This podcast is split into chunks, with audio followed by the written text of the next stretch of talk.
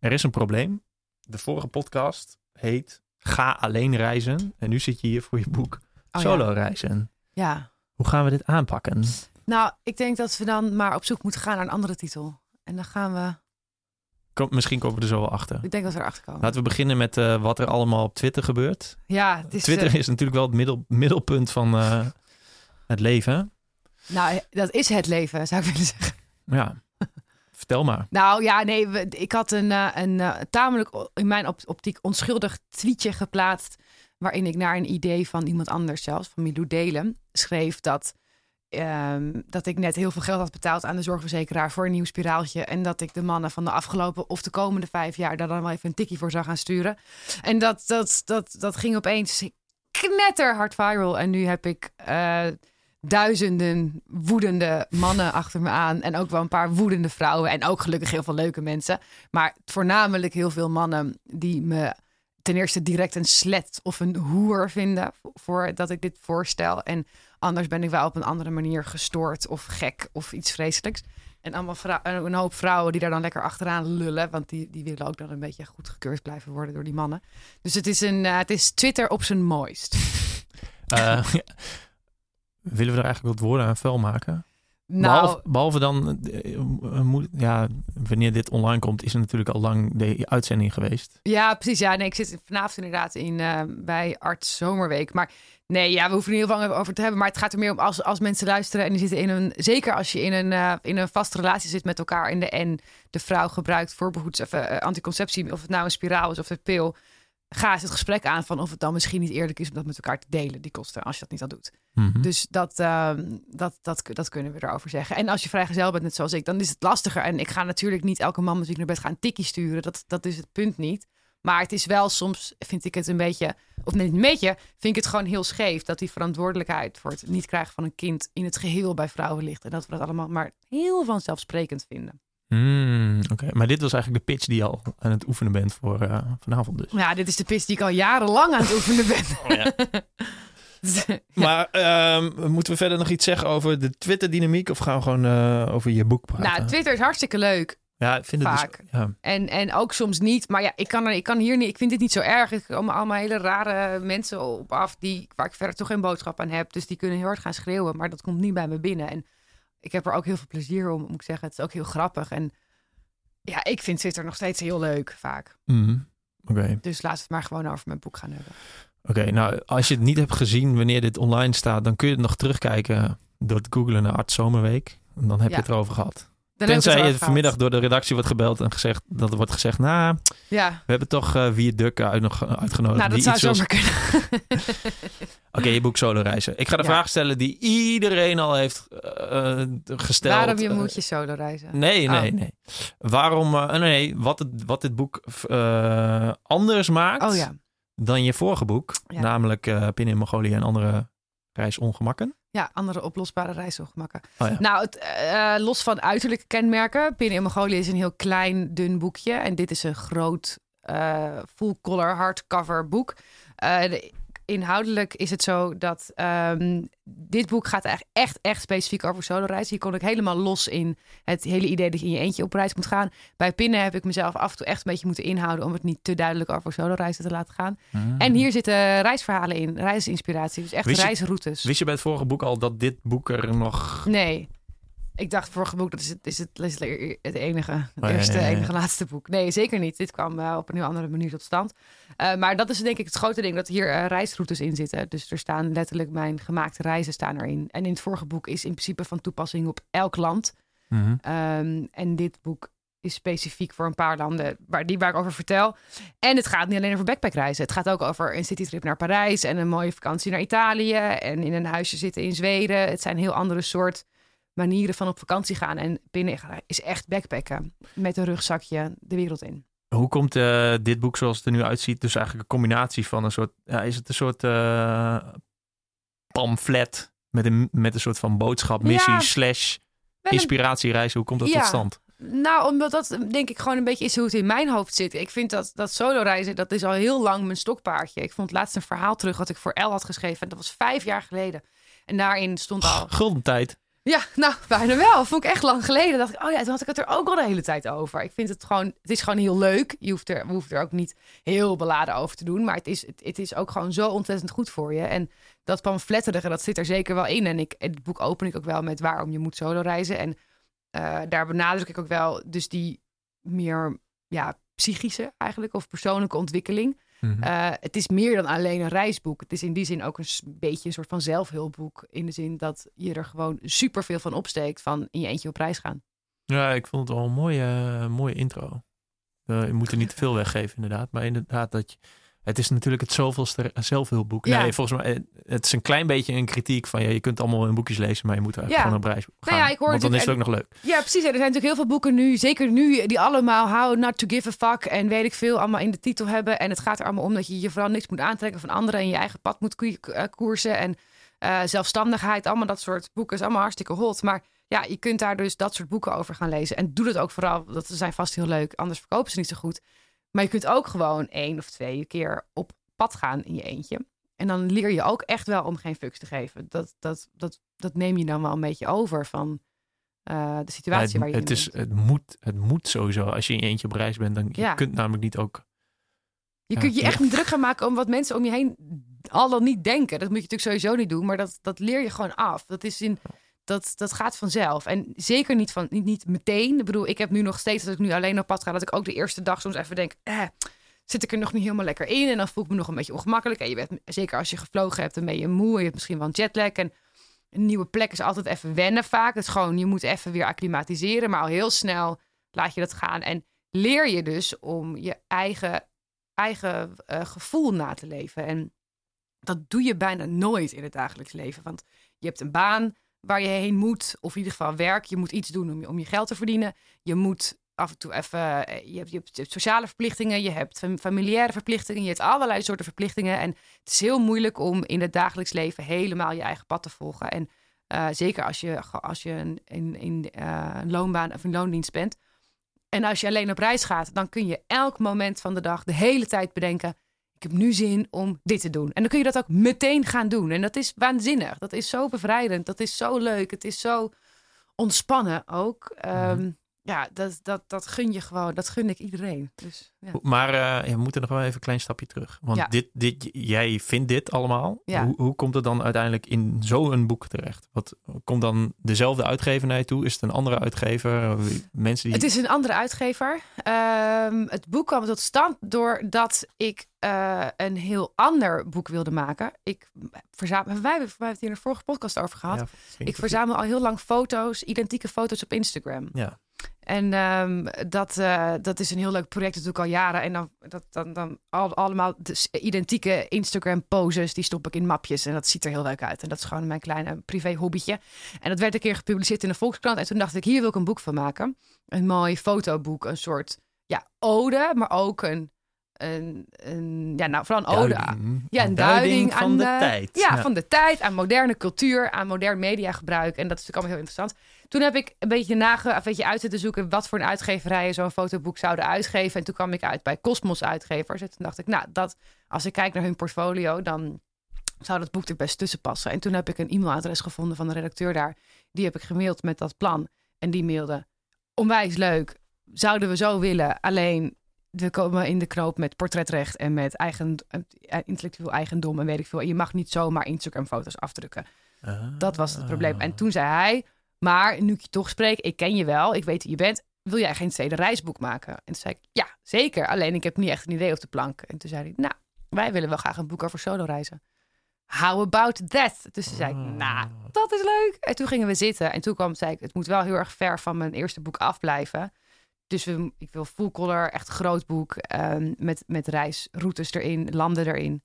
Uh, en ook wel een beetje dat praktische, want dat vind ik gewoon belangrijk.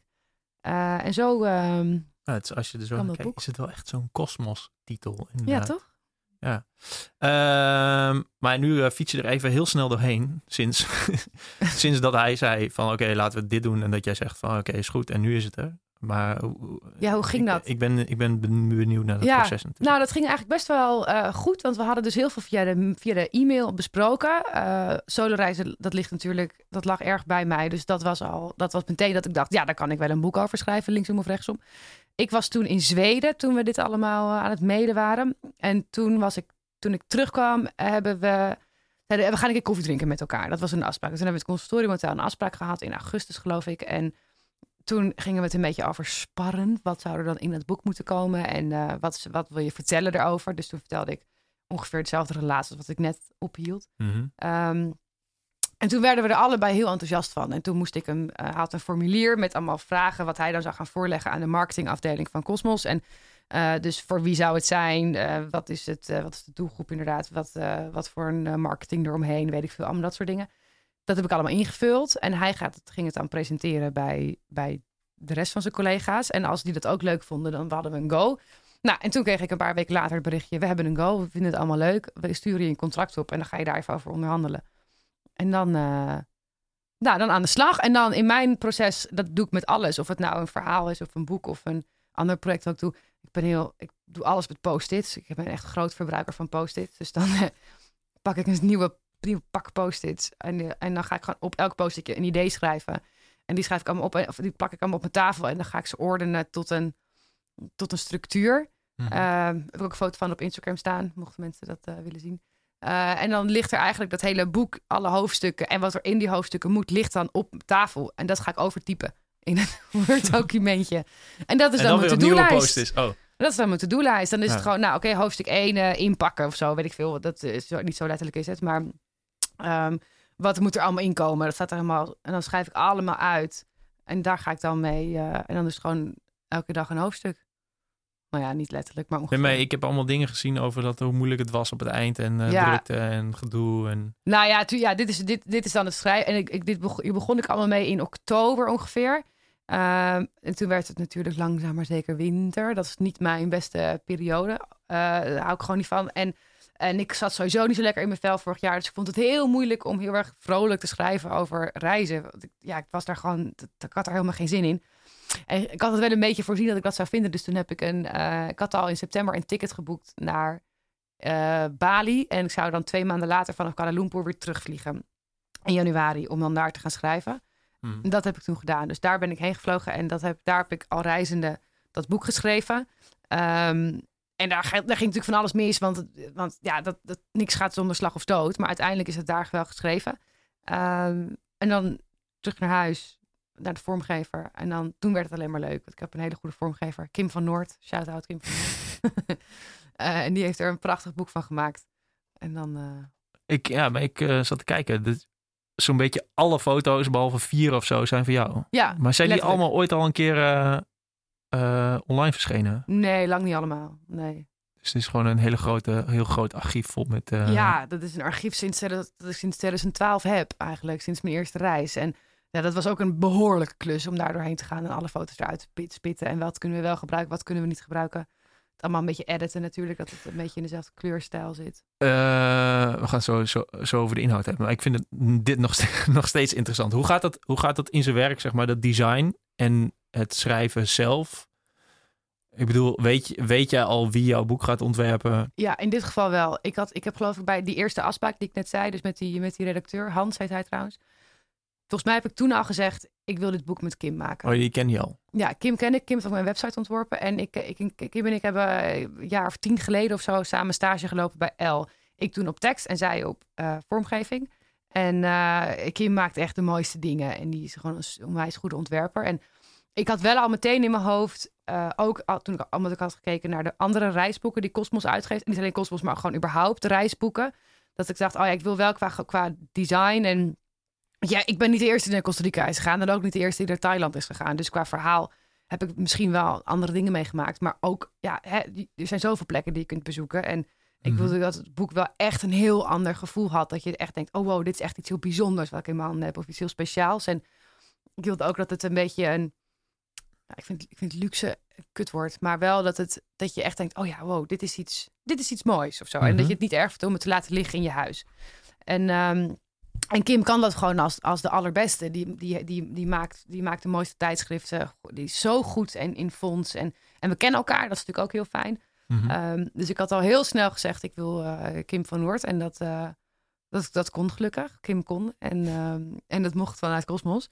Eh, dus mijn, brief, mijn briefing naar Kim was... Ehm, heel simpel volgens mij was, ik wil, nou, ik, ik, word heel, ik hou heel erg van typografie, van fonts. Dus ik zeg, ik wil graag mooie, mooie fonts. En ik hou heel erg van, van grote spreads waar dan veel grote letters en dat is allemaal lekker. En dat je, dat je, tot mij heb ik dat woord echt wel twaalf keer gezegd tegen haar. Het moet, het moet lekker zijn. Dat je denkt, oh, ik wil hier, ik wil hierin zitten. Net zoals dat je naar Apple producten kijkt en denkt, ja, lekker. Het is gewoon lekker allemaal. Dat zei ik, dat wilde ik. Maar uh, volgens mij ben je er wel blij mee. Ik ben er heel blij mee. Ja, ik, uh, maar het is wel goed gelukt. Ja, dat is eigenlijk de vraag. Ik vind van wel. Ik vind dat het een. Uh, dat het heel ver weg blijft van een standaard reisboek. Dat het meer een soort. Wat is een standaard reisboek? Ja, met, uh, met kaartjes erin en uh, met. Uh, de, de, is dat een bewuste keuze dat er geen kaart in ja. zit? Want? Ja. Omdat, ja, omdat ik het niet mooi vind eigenlijk. En omdat het niet in design past. En omdat je het toch gewoon Google kunt googlen. Ja. ja. Wat is de shock horror? Ja, ja, gewoon een cartografie. Ik denk dat er wel heel veel mensen dat gewoon. Ik bedoel, mensen kopen atlassen. Omdat ze dat mooi vinden. Om ja. kaartjes te kijken, een beetje te dromen. Ja, maar je zit allemaal plaatjes in waar je bij kunt dromen. Alleen geen... geen uh... En omdat het ook, die kaartjes die worden vaak dan gebruikt om een route op uit te stippelen. Dus er zijn er van die lijntjes tussen. Zo van ga hier en ga daar en ga daarheen. Nou, dat vind ik ook. Ik denk, ja, dat hoeft helemaal niet. Je kunt dat, ik heb allemaal, noem allemaal losse plekken en die kun je achter elkaar doen. En dan is het een route. Maar je kunt ook zeggen, nou, ik pik er eentje uit. En ik vind dat dat, dat hoeft niet zo opgelegd te worden. Dat, um... En wat er ook niet in zit, zijn kadertjes met informatie van reisduur of uh, ga drie weken of uh, zo. Dit is, de, dit is de, beste reistijd. Dat soort dingen vind ik ook allemaal heel, heel achterhaald. Wat zijn eigenlijk de categorieën van reisboeken? Want wat je nu, want kijk, je hebt natuurlijk uh, de Michael Palins en de, hoe heet die, Thoreau, hoe heet die vent ook weer? Louis? Nee, die andere. Paul? Paul Thoreau? Nou, schijnt een hele dikke baas te zijn. Nee, maar gewoon en uh, Bill Bryson en zo, die gewoon een soort van verhaal maken zonder plaatjes. Dat heb je. Je hebt de Lonely Planets en de Capitol en weet ik veel wat. Ja. En dan heb je nog een, de categorie waar ik in zit en dat zijn boeken die door die door individuen zeg maar worden gemaakt en waarin diegene zijn reizen laat zien en vertelt. Uh. Daar zijn er echt wel veel van. En dat, um, dat geeft niet. Dat is, dat is prima. En niet, niet allemaal met, met, de, met de solo-reis insteek natuurlijk. Maar ik vind dat als je in een boek gaat schrijven wanneer de beste reistijd is, of dat je het beste vier weken kunt gaan. Ja, dat gaat in mijn boekje, en, en trouwens ook in mijn boek, maar in mijn optiek helemaal voorbij aan wat reizen is. Mm -hmm. Ik heb in Indonesië in het laagseizoen gereisd. Dat was waanzinnig. Er is helemaal niemand. En ja, ik had elke ochtend echt ziek veel regen. Maar de natuur is op de allermooist in het regenseizoen. Mm -hmm. um, er zijn bijna geen andere toeristen. Je hebt een heel andere ervaring. Ik vond het hartstikke leuk. Dus ja, de beste reistijd is dan misschien augustus. Maar ja, voor wat is de beste? Dat is een heel relatief begrip. Misschien is dat voor mij helemaal niet het beste. Dat, ja, dat maakt gewoon niet uit. En ik vind zeggen dat je ergens vier weken de tijd voor moet hebben ook belachelijk. Want dat gaat uit van een soort. Oh, in vier weken kun je alles gezien hebben. Wat, wat, wat waanzin is. Je kunt in, in vier weken heel Staphorst nog niet eens gezien hebben, bij wijze van spreken. Ja, dat, dat, dat, dat zegt gewoon niet zoveel. En dat zit ook ergens in het boek. Ik vind dat soort dingen, als je dat wil weten, ja, google het gewoon even zelf. Het is Mhm. ook een soort les in zelfredzaamheid natuurlijk. En eh, ik kan je wel alles voor gaan zitten kouwen, maar je kunt dingen, je moet jezelf aanleren om dingen zelf op te lossen. Want dat moet je tijdens het reizen ook. Is dat je soort van missie met het boek? Nee, dat niet. Kijk, weet je, eh, ik heb het idee dat je, heel, eh, dat je alle wat en hoe vragen, zeg maar, eh, wel kunt googlen. Of daar Ja. zijn de, de, de reisgidsjes voor. Maar dat jij eigenlijk meer wil vertellen waarom. Hmm. Ja, en ik, ik, en, ja, zeker. En ik geef ook wel reis, of, eh, slaaptips en zo. Dat wel dingen waar ik geslapen heb. Of van, oh, dit is een leuk dorp. Of, oh, dit is een mooi eiland. Maar dus wanneer- dat zit er wel in. Kijk, ik bedoel, de Lonely Planet zegt gewoon, eh, oké, hoog segment, midden, eh, Ja. laag. En dit is het telefoonnummer en het zit ja, daar. en dat is weet geweldig. Dat is super handig om te hebben. Ik ben echt dol op Lonely Planet. Ik ook. Laten we dat eh voorop stellen. Dat is altijd chill. Alleen, eh, lijkt mij heel moeilijk als je dit schrijft. Dat je, je wilt het eigenlijk wel. Je wil ook wel vertellen waar jij een leuke ervaring hebt gehad. Maar tegelijkertijd zeg je in de intro ook wel van... ja, eh, zoek het lekker zelf uit. En als je zoiets hebt van... Lisbeth, eh, rot Nou lekker ja, ik- met, je, met, je, met je hosteltje. Ja, nee, de basale dingen moet je zelf uitzoeken. Bijvoorbeeld, eh, ik, soms zeg ik wel waar je op vliegt of zo. Maar als ik zeg, ga naar Costa Rica, dan, ja, dan, dan zoek even zelf uit waar je dan heen moet vliegen. Het- ja, San Jose is dan de hoofdstad en daar, is, daar vlieg je op. Volgens mij zeg ik het zo. Maar ik denk dat, je, dat er heel veel dingen zijn die je gewoon kunt opzoeken. En die niet van belang zijn voor het, voor, voor, de, voor het plezier van het reizen. Zoals ik het in het boek probeer over te brengen. Oké, maar wat is wel van het belang? Wat is Nou. van belang voor het plezier van het reizen? dat je jezelf, dat je het, eh, dat je jezelf niet te veel oplegt. Dat staat er ook in. Dus van lees dit boek en, en laat je je door inspireren. En denk, oh vet, ik wil hierheen. Of ik wil dit zien of ik wil dat meemaken. En schrijf dat op. En ga dat ook daadwerkelijk doen, voor mijn part. Maar als je ergens denkt, nou, ik heb, ik heb helemaal geen zin in, in, in die hostels of in, het lijkt me helemaal niet leuk wat je zegt. Dan denk ik, nou, dat is top, dan ben je, dat is goed. Je moet je eigen smaak daarin ontwikkelen. En dit is, it's, it's merely a guide ah. daarvoor. Um, uh, en, een, en, een, en een introductie voor sommigen, als je dat nooit als je nog zo'n reis hebt. Denk je dat dit, uh, dat jou, ja, ik noem het, ik blijf de missie noemen, uh, dat meer mensen alleen moeten reizen? Denk je dat dat nog steeds belangrijker wordt? Of is het echt wel een trend aan het worden? Of juist mm. niet meer? Welke kant gaat het op? Het wordt alleen maar meer. De hele maatschappij is natuurlijk veel meer aan het individualiseren. En ik denk dat het zeker belangrijker wordt, omdat we langer leven en, en het echt wel beter met onszelf moeten gaan vinden dan dat we dat misschien vroeger deden. En ik denk dat op, over de gehele linie mensen meer individuele keuzes maken. We blijven langer vrijgezel, we gaan later trouwen, krijgen minder kinderen. Um, dus dit is daar een onderdeel van. Is het, maar waarom is het dan goed om alleen op reis te gaan? Omdat het je wapent voor het leven in die zin. Los van dat het dus heel leuk is, is het, het is heel fijn om, om, om, om jezelf genoeg te vinden. Om te weten dat jij genoeg bent om een willekeurige situatie tot een succes te maken. Om niet afhankelijk te zijn van anderen. Je kan natuurlijk wel in sommige situaties wel afhankelijk zijn. Daar gaat het niet om. Maar over het algemeen is het heel prettig om te weten, nou, whatever happens, ik heb altijd nog mezelf. Mhm. Dat geeft heel veel rust. Dat is heel fijn. Dat is, of dat nou in relaties is, of in vriendschappen, of in je werk, of in je familie. Het is heel goed om te weten dat jij genoeg bent. En dat dat is, dat deels, leer je dat door gewoon ouder te worden. Want dat, dat, zo, werkt het ook. Maar ook echt leer je dat deels door je zelfstandigheid ook echt op te zoeken. En te merken dat je dat wel kan. Het kan heel, als je thuis bent, dan kan het misschien heel overweldigend lijken om uh, een vlucht met drie overstappen te moeten doen. Want hoe dan, waar dan? Of om in je eentje een treinkaartje te vinden in een raar uh, Chinees busstation of treinstation. Maar als je er eenmaal bent en je gaat het gewoon doen, want je kunt achter niemand aanlopen en je hebt helemaal geen vangnet, dan leer je van, wow, I did that. Ik kan dit gewoon. Wat vet. En dat ga je gewoon meenemen. En ik denk dat zeker veel vrouwen in, in, in, in veel situaties zeggen of denken, ja, dat kan ik eigenlijk niet. Als iets op hun pad komt, een nieuwe baan of iets, van is het toch snel is de houding, oh, weet ik niet, weet ik niet zeker. En dit leert je om dat ook om dat iets minder te doen. Om te denken, nou, dat kan ik echt wel. Mhm. Want ik kan ook dit. Ik heb ook dat gekund. Ik bedoel, ja, waarom zou ik dit niet kunnen? Eventjes, uh, krijg, krijg je, want je, je post het natuurlijk ook best wel vaak op je blog en op je Instagram. En uh, in je vorige boek staat er natuurlijk ook al een stukje over. Krijg je dit al inmiddels al vaak terug? Komen heel veel mensen bij jou terug met een soort van, uh, ja, hoe zeg ik dat? Ja, een soort, soort van review. Ja, ja, ja, nee, echt. Dat is echt. eigenlijk is, het, is, het, is dit best wel een missie hoor, dat alleen reizen. Nee, en dat ik, ik, ik deel dat soort, dat soort, dat soort, uh, dat soort reviews deel ik nooit. Want dat vind ik ook altijd een beetje.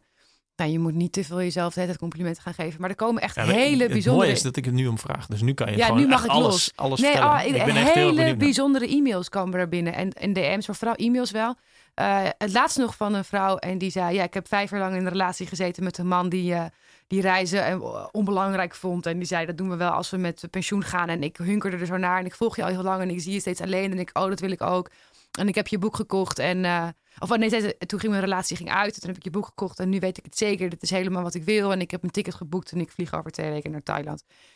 En dit soort verhalen, maar echt va zeker sinds dat vorige boek ook al. Heel veel mensen die zeggen: Ik ga gewoon, ik doe het gewoon. Ik heb het altijd heel spannend gevonden, maar je legt het heel makkelijk uit. Nu doe ik het ook. En helemaal niet meteen drie weken naar Thailand of vier weken naar uh, Nieuw-Zeeland, weet ik veel. Je kunt ook gewoon een weekend naar Vlieland gaan. Het gaat niet om waar je heen gaat of hoe lang, maar het gaat om dat je gaat. En ja, ik, heb echt hele bijzondere reacties mogen ontvangen van vrouwen. Dat merk ik heel veel vrouwelijke volgers, of vooral vrouwelijke volgers, die daar, die daar echt uh, wat aan hebben. En dat, ja, dat, dat warmt mijn, mijn, mijn koude hart. ja, dat is mooi. Ik krijg je reactie van mannen eigenlijk. Ja, ook wel. Ja, Zeker. Ik had laatste, of laatst, ik zeg het laatst, maar dit is ook alweer een half jaar geleden. Een jongen die uh, alleen op reis was en die zei: uh, ik, ben, uh, ik ben alleen en het is de vierde dag en ik vind het verschrikkelijk en ik weet helemaal niet wat ik moet doen. En uh, kutlies, kutboeken. Nee. Maar dan ging nog mijn vorige boek en. Ehm, En toen heb ik een beetje met hem zitten DM'en over, nou, maar misschien dit, misschien dat, misschien zo. En toen, en toen was hij helemaal blij. Toen ging het, nou niet te hard, want nu, vanaf nu gaat iedereen jou DM'en als, ja, als dat maar even in de put doen. zitten. Nou ja, ik vond dat wel, hij, had, hij had allemaal quotes uit mijn, uit mijn boek, omdat hij dus, uit mijn vorige boek had hij opgeschreven op een briefje en meegenomen. En dat vond ik heel lief. oh, dat is wel echt cool. Ja, het is echt heel lief. En hij was ook best wel jong, hij was 18 geloof ik of zo. Um, maar nee, ik, ik vind dat echt, echt heel, heel erg leuk. En dat het echt een beetje een effect heeft op die manier. En het gaat me er niet om dat, dat, dat, dat iedereen dus heel ver weg moet, maar het gaat me of überhaupt op reis moet uiteindelijk. Maar dat je dingen voor jezelf gaat doen. Dat je alleen naar de bioscoop gaat voor mijn part. Weet je, dat, vind ik ook al prima. Dat, maar dat je, dat je wat zelfstandiger wordt. En dat je niet. En, en met in het verlengde daarvan dat het geen wereldramp is als een partner bijvoorbeeld wegvalt. Want daar, daar gaat het natuurlijk vaak over. Dat, ik heb ook, ken ook wel mensen in mijn directe omgeving die gewoon hun identiteit helemaal verloren zijn in een relatie. En als die relatie wegvalt, dan blijft er gewoon niks over. En dat soort dingen, dat vind ik altijd heel verdrietig. Dan denk ik, het is zo fijn om. Het is zo fijn om jezelf te zijn. Maar niet, uh, het is belangrijk om dat te voeden, om dat te cultiveren. Om niet uit het oog te verliezen wie jij bent en wat jij leuk vindt. Want dat is uiteindelijk het belangrijkste. Is dat zo? Ja, je moet je aanpassen. Je moet geen lul zijn. Je moet je wel gedragen in de maatschappij, obviously. Maar. Ik voel me aangesproken. Nee, wie keek me zo indringend aan? Oh. Nee, grapje. Nee, maar dus dat, nee, tuurlijk, alles binnen de. Uh, maar wie, wie, wie ben jij? Wie, uh, wie is Lisbeth Rasker om dit uh, aan de wereld te vertellen? Nou ja, iemand die, die heel veel op solo-reis is gegaan en die het gewoon aan het vertellen is. Iedereen kan dit doen. Iedereen die een keer alleen op reis is gegaan, die, die kan dit hetzelfde verhaal vertellen als diegene daar zin in heeft. Is er wel eens een negatief. ik bedoel, ja, kijk, er kunnen natuurlijk mensen gaan. deze vraag stellen die ik net vroeg: van wie ben jij dan? Of die mhm. kunnen zeggen van iets met CO2. Of, en er zijn natuurlijk mensen die zeggen van ja, ik ben alleen op reis geweest en het was hartstikke stom. Maar dat ligt aan jou. Zijn die er ook? Nou, dat ligt niet aan mij dan, dat ze, dat, als ze alleen op reis gaan. Maar het zijn zeker je mensen hebt, die... Je hebt dit niet verteld en dit en ik vond dit moeilijk en oh, dit ja. en dit soort dingen. Dat heb ik nog nooit zo gehoord. En als mensen dat gedacht hebben, dan, uh, dan spijt me dat enorm. Maar het kan natuurlijk best zijn dat je zo de reis niet leuk vindt. Het hoeft ook niet, als je het niet wil. Als je het echt niet wil. Als je zegt, nou, het lijkt me vreselijk. Ja, mhm. lekker niet doen. Mijn zusje is zo iemand. Die, dat is een onwijs zelfstandig, uh, leuk mens. Maar die zegt ook, ja, ik moet er niet aan denken om alleen op reis te gaan. Nou, dan moet je dat ook vooral niet doen. Het gaat om al die mensen die denken, nou, misschien, twijfelen. En die, dan, die moeten gewoon gaan. En eh, CO2, ja, dat, is, dat blijft natuurlijk een, een uh, onderwerp waar jij ook wat, wel wat mee te schaffen hebt. Um, en dan is nu mijn antwoord, ja, maar je hoeft dus niet te vliegen. Je kunt ook gewoon naar Vlieland met de boot. Oké, nou, goed antwoord. En uh, wat was de eerste? was nog een derde optie, de weet ik niet uh, nou ja, wie ben jij dan? Om oh, dat, nou, ja, om nou ja, dus, dus niemand. Gewoon iemand die, die toevallig schrijft. Dat deed ik al voor het hele reizen. En, uh, en dit een heel leuk onderwerp vindt. En daar nu een onderwerp van heeft gemaakt. Maar in principe kan iedereen het doen. Ja, iedereen die zo de reis leuk vindt, schrijf er zelf een boek of een blogpost of iets leuks over. Beter juist, hoe meer mensen dit verhaal spreiden, hoe, hoe meer de missie gaat slagen. Heb je uh, voorbeelden hierin van mensen die hierover schrijven of die iets alleen mm. doen of dit, die hier ook voor strijden? Strijden, ja. ja. Het wordt een beetje activistisch. Want ik, ik, uh, misschien moet ik het een beetje toelichten, want hiervoor zei ik van ja, ik wil het eigenlijk hebben over individualisme. Want het is, volgens mij heeft dat een beetje een negatieve ja. Uh, noem eens iets wat ik hier achter kan zetten. Bijsmaak. Bijsmaak, ja. ja. Maar dat hoeft dus helemaal niet zo te zijn. Nou, ik vind van niet. Ik denk dat als je het goed met jezelf kunt vinden, dan kun je het ook beter met anderen vinden. Dat maakt uiteindelijk een leuker persoon. Het maakt je een betere vriend voor je vrienden. Uh, of vriendin voor je, vriend, voor je vrienden. Of een, en een betere partner voor je relatie. Hmm. Ik denk dat als je, als je lekker in je vel zit, dan ben je een leuker mens. Op alle vlakken in het leven. En ik denk dat een, een goede of een, een leuke reden is of een leuke manier om je lekker in je vel te zitten, is om het goed met jezelf te kunnen vinden. En dat zijn dingen die je met reizen leert. Maar denk, het is dat, dat, dat zo open ik het boek ook. Je kunt er, ik kan hier heel, heel beladen over door oreren en over, over pamfletten van maken. Maar het is ook gewoon heel leuk. Dat, dat vind ik ook. Want dus los van al dit soort persoonlijke ontwikkelingsverhalen en oh, je wordt zelfstandig van. Het is gewoon fucking vet om in je eentje te gaan. Omdat je veel meer open staat voor de, voor je, voor de, voor de omgeving waar je bent. En Um, je, je, je, je bent je, je, je komt veel meer mensen tegen. Je komt veel meer met nieuwe mensen in aanraking. Je, je, je zegt veel sneller ja op nieuwe avonturen. Ik bedoel, komt veel meer, er komt vaak in mijn ervaring meer op je pad, omdat je, ja, omdat je niemand hebt om je achter te verbergen, zeg maar. Of waar je, waar je, het, al, waar je het al fijn mee hebt. Ja, ik zit eigenlijk wel lekker hier, we blijven wel lekker zitten. Ja, of je gaat gewoon wat doen. En het maakt je, dat, dat zorgt ervoor dat het, dat het in mijn ervaring vaak heel leuk is om in je eentje te gaan. Ehm, in plaats van met iemand die je al honderd jaar kent, wat ook leuk is. Ik bedoel, daar gaat het niet om. Maar... Hey, uh, ik, uh, ik kan me voorstellen dat mensen uh, zoiets hebben van ja, solo reizen. En dan ben ik dus in mijn eentje. Dat vind ik eng. Ja. Nou ja, je hebt er een stuk over geschreven, maar mensen die deze podcast luisteren hebben het boek misschien nog niet gelezen. Nee. Dus kun je Koop vertellen hoe, hoe, je dat, hoe jij zoiets pareert of dat je zegt van ja, maar dat klopt. En ja, ja, angst is een uh, grote veiligheid in meer eigenlijk het algemeen. Is natuurlijk een groot, groot thema erin. En, um... Nou, meer, zo, meer dat als je in je eentje bent, uh, dat mensen natuurlijk wel bang kunnen zijn dat ze zich eenzaam voelen. En ja. dat is best wel oh, een vervelend... Ja, ja. vervelende emotie. Dus een eenzaamheid is zeker een vervelende emotie, maar het is niet een emotie waar je dood aan gaat. Dus het, en het is, zo kun je, ja. ja, maar het is echt zo. Dat is ook, maar dat meen ik wel hoor. Want ik heb wel. Oh, nou, nee, wacht. Ten eerste is, is er een heel groot verschil tussen eenzaamheid en alleen zijn. En hebben die twee eigenlijk niks met elkaar te maken. In die zin dat als je alleen bent, dan hoef je helemaal niet eenzaam te zijn. En de momenten dat ik wel eenzaam ben geweest, was ik vaak niet alleen. Mhm. Ik heb me aanzienlijk vaker eenzaam gevoeld binnen groepen. Omdat ik dan niet helemaal aansluiting vond. Of niet het gevoel dat ik erbij hoorde. Of dat ik het gevoel dat mensen het niet fijn vonden dat ik er was of zo. En dat gebeurt ook wel eens thuis. Het hoeft helemaal niet op reis te zijn. Maar dan kan ik me verschrikkelijk eenzaam voelen. Uh, eenzaamheid is niets anders dan het gebrek aan aansluiting, terwijl je dat wel wil. Maar alleen zijn, dan kies je er en je kiest ervoor om, om iets alleen te doen. Dan ben je niet eenzaam, dan ben je gewoon alleen. En dat is iets heel, dat hoeft helemaal niet dat hoeft helemaal niet zielig te zijn. Mensen zijn echt niet bezig met jou zielig vinden. Dat doe je vooral dan zelf. En dat, mm-hmm. dat is echt een beetje een knop die je om moet zetten. En eenzaamheid. En stel, stel je, bent, je bent op reis in je eentje of op, op citytrip alleen. En je voelt je even een moment eenzaam. Wat dan? Ja, ja, je kunt daar heel dramatisch over doen en denken, nu vergaat de wereld. Of je kunt denken, hé, kut, ik, shit, ik voel me echt even niet lekker. Ik vind het even niet leuk. Dan, ja, oké, constateer dat even bij jezelf. Uh, wees aardig voor jezelf. Bij mij helpt het altijd om mezelf te tracteren op een heel mooi glas wijn ergens. Of een lekker koud biertje, afhankelijk van waar in welk land ik ben. Om even een stukje te wandelen. Uh, ik hou heel erg, ik kan dat tijdens reizen wel eens missen. Om gewoon echt op de bank in mijn eentje, zoals ik thuis best wel vaak doe, onder een dekentje te Netflixen. Nou, dat kan ook op reis. Dan huur ik een Airbnb en dan ga ik daar gewoon Netflix een avond. Of ik ga in mijn hostelbed dat doen. Um, troost jezelf daarin een beetje. Maar ga niet denken dat de wereld vergaat. Ja, nou en je voelt je even eenzaam. Morgen is het weer over. En reis altijd met een reisdagboek. Dat is denk ik mijn twee, tweede grote stokpaardje. Ja, dat, was, dat staat een paar keer uh, ja. in het boek. Ja, is echt Volgens mij in vorige ook wel. Ja, um, ja, ja, Waarom is dat belangrijk? En kijk, ik kan me heel goed voorstellen dat... Um, kijk, sommige mensen kunnen niet tekenen. Nou, iedereen kan wel iets op papier zetten. En sommige niet, mensen kunnen niet zo goed schrijven. Dus je, ja, je kunt wel tegen mensen zeggen van ja, schrijf even op.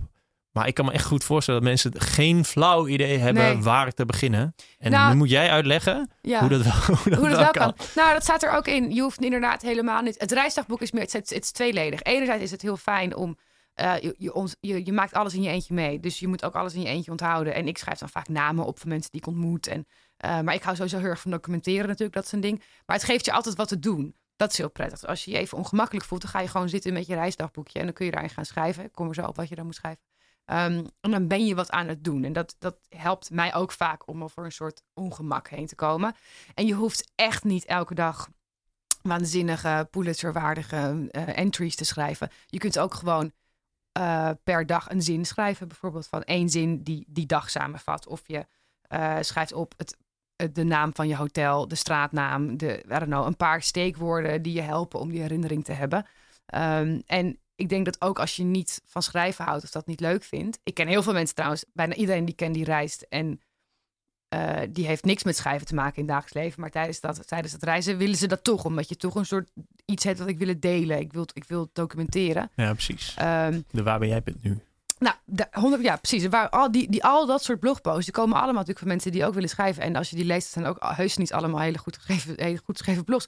En daar gaat het dus niet om. Maar in het geval van die eenzaamheid, um, ja, ga, dan, dan ga je bij jezelf even te raden.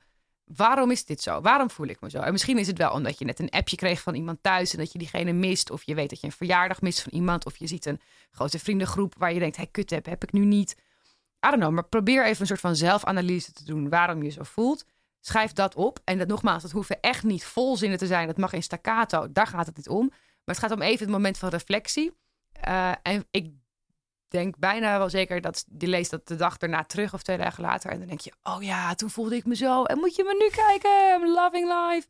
En dat helpt heel erg het relativeren. En dit is ook een onderdeel van waarom, het, waarom alleen reizen leuk is. Want het is heel fijn om te leren om jezelf weer vrolijk te maken. Of om jezelf weer, om van iets negatiefs iets positiefs te maken. Daar, ga je, daar heb je ook voor altijd wat aan. Ja, dan heb je dus een probleem dat heet het hot-cold. Nee, in dit geval cold-hot empathy gap. Dus dat als je je kut voelt, niet kan voorstellen dat je je ooit goed voelt en andersom. Oh ja.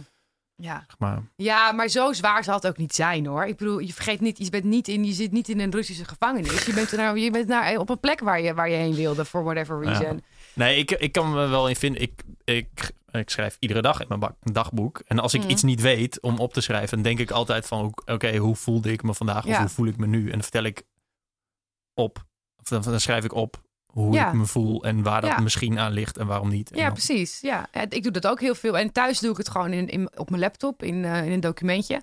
Maar op reis doe ik, dat in, doe ik dat in een handgeschreven dagboekje. Weet je wat trouwens een bijkomend voordeel is soms van als je met een boekje zit in een, in een restaurant? Dat ze dan denken dat je een recensent was. Zo had ik dat in oh, Kaapstad een keer. En toen kwam er echt de ene naar de andere open mijn hand geven. Oh, ja. en, oh wat goed. Oh, dat, niet, oh ja, dat is inderdaad waar, ja. Dat, Of tenminste, of ze dachten dat ik een van de... Het was echt een hele rare, of best wel leuke ervaring eigenlijk. Toen zat ik dus in mijn eentje en toen had ik ook mijn boekje mee. En toen, uh, ja, toen deden mensen echt alsof ik, alsof ik een van de bekend, uh, belangrijk iemand was in ieder geval. Nou, kijk aan. Zie je, dat is ook nog winst. Ja, en, eh, oh, en trouwens, en als mensen dus echt niet willen schrijven, terwijl ik blijf erbij, neem het boekje gewoon mee en probeer het. En als het niks is, dan flikker je het weg. Maar echt, ik, ik weet, het is 100% guarantee dat het fantastisch is. Neem gewoon een leesboek mee. Gewoon een gewoon boekboek. Dat geeft je ook wat te doen. Dan kun je ook lezen. Vind je dat je altijd iets uh, moet doen? Nee, zeker niet. Maar als je het ongemakkelijk vindt om, of spannend vindt om in je eentje uit eten te gaan, dan is het fijn om een soort om dat te hebben. Ik, ik neem het vaak mee en dan vervolgens kijk ik er niet naar, omdat ik alleen maar omheen aan het kijken ben. Maar... Ja, ik wou net vragen. Heb je wel eens dat je in een restaurant zit in je eentje en dat je dan gewoon niet je op je telefoon kijkt, niet in je boek schrijft en alleen maar een beetje ja, op, wel als wel het raar soms, man. Ja, op pleintjes doe ik, heb ik dat wel. Of zo, weet je. Dan, dan, ik, hou, ik zit graag op pleinen, want dat geeft je wat te kijken. En dat uh, op die manier. Um, maar zeker tegenwoordig is het moeilijk om, om je telefoon uh, niet te pakken. Vind je dat zelf moeilijk? Ja. Zit je daarmee? Nou, weet je, nou, waar ik wel mee zit, is. is nou, mag ik even op de psychiater. Maar nee, wat ik, wat ik lastig vind, is dat. Um, uh, doordat ik nu van reizen, mijn, mijn van, ja, reizen was, was is heel lang is mijn hobby nog steeds. Maar ik heb dus nu ook van mijn hobby mijn werk gemaakt. En dat vinden al heel veel mensen dan heel vet. Van oh yes, hobby je werk maken. En ik ja, maar wat niemand me verteld had, is dat je dan ook je hobby kwijt bent. En dat vind ik echt wel jammer. En ik heb nu, als ik nu, uh, als ik naar het buitenland ga, of als het een nieuw buitenland is, zeker. Maar ook als het een bekend buitenland is dan ga ik helemaal aan. Dan, wil ik, dan zit ik de foto's, denk ik, oh, foto's hier, oh, verhaal, zus. Oh, misschien even opschrijven hoe dat pleintje heet. Even aantekeningetje maken, even opzoeken hoe dit, hoe dit zit of hoe dat zit. En dan gaat mijn hoofd gewoon helemaal gaat aan om, om dat allemaal te gaan vastleggen eh, voor het boek of voor de blog of voor Instagram of voor een opdrachtgever. En ja, dat vind ik vaak heel irritant. Dat vind ik moeilijk. En tegelijkertijd denk ik, ja, maar ik verdien hier mijn geld mee. Het kleine beetje geld dat ik ermee verdien, verdien ik hiermee uh, om dit reizen te kunnen doen. Dus ik kan het ook niet loslaten. Ja, maar dat het een first world problem is, betekent nog niet dat het geen, geen probleem is. En zeker ik als ik, heb dit precies hetzelfde. Ik vind dat echt lastig. Zeker als ik nu terugdenk aan 2012. Dat, toen ben ik voor het eerst op reis gegaan en ook voor het eerst op solo reis gegaan. Um, toen was er nog geen Instagram. Toen had ik een blog voor mijn vader. Gewoon liesopreis.blogspot of zo. Of .wordpress.nl. Gewoon zodat mijn vader wist dat ik nog leefde. Er was geen WhatsApp ik had ook geen, ja, ik had zo'n hele ouderwetse smartphone, maar wifi was helemaal niet. Dan moest je echt naar internetcafés, dat, dat idee, zeg maar. Mhm. Dat was zo'n andere reis dan nu. Dan zit je zoveel meer. En daarom vroeg ik het ook van, ja, dat heeft wel echt vet veel invloed. Omdat het, ja. Maar ik heb ook echt het idee dat het echt de laatste Kijk, ik denk twee jaar geleden hadden we het er natuurlijk ook wel over hoeveel grote invloed het heeft. Maar ik heb het idee dat het nu echt aan het exploderen is over wat voor boeken. Ik ben nu een boek aan het lezen over de digital minimalism en zo. Oh ja. En, en er de, worden nu ook echt allerlei onderzoeken afgerond wat voor effect mobiele telefoongebruik heeft. Maar ja, het is natuurlijk, het is voor een solo reiziger best wel een soort van reddingsboei of zo die je wel meeneemt. En ik vraag me dan af, kijk, het is natuurlijk geen ideale manier om alleen te reizen. Maar het heeft wel echt een groot effect om die smartphone en nou, die apps erbij. Ja, en het is ook, het ook in me, ik vind het ook een, uh, het geeft me ook wel vaak een gevoel van veiligheid. Zeker als ik in grote, rare hoofdsteden ben of zo. Dan vind ik het toch fijn dat ik op Google Maps, Google Maps kan zien dat die taxi me de goede kant op rijdt. Dat, ja, dat vind ik prettig. En ik heb uh, ook wel situaties gehad waarin ik dacht: oh ja, dit is wel heel fijn dat ik nu gewoon even weet waar ik ben. Dit rare toch een steegje waar ik opeens terecht ben gekomen, wil ik graag maar weer weg. Um, uh, dus er zijn, er zijn natuurlijk voordelen en nadelen. En ik denk, maar ik denk wel dat als je niet hoeft, dat zou ik je echt willen aanraden om het zo min mogelijk te doen. En dan kun je tegen mij ook zeggen, ja, maar je hoeft het toch ook niet. Maar toch voel ik dat wel een beetje zo. Ik heb wel tijdens mijn laatste, laat, mijn laatste, mijn laatste reis um, afgelopen winter, toen ik het boek schreef, heb ik op een gegeven moment wel bijna twee weken Instagram verwijderd van mijn telefoon.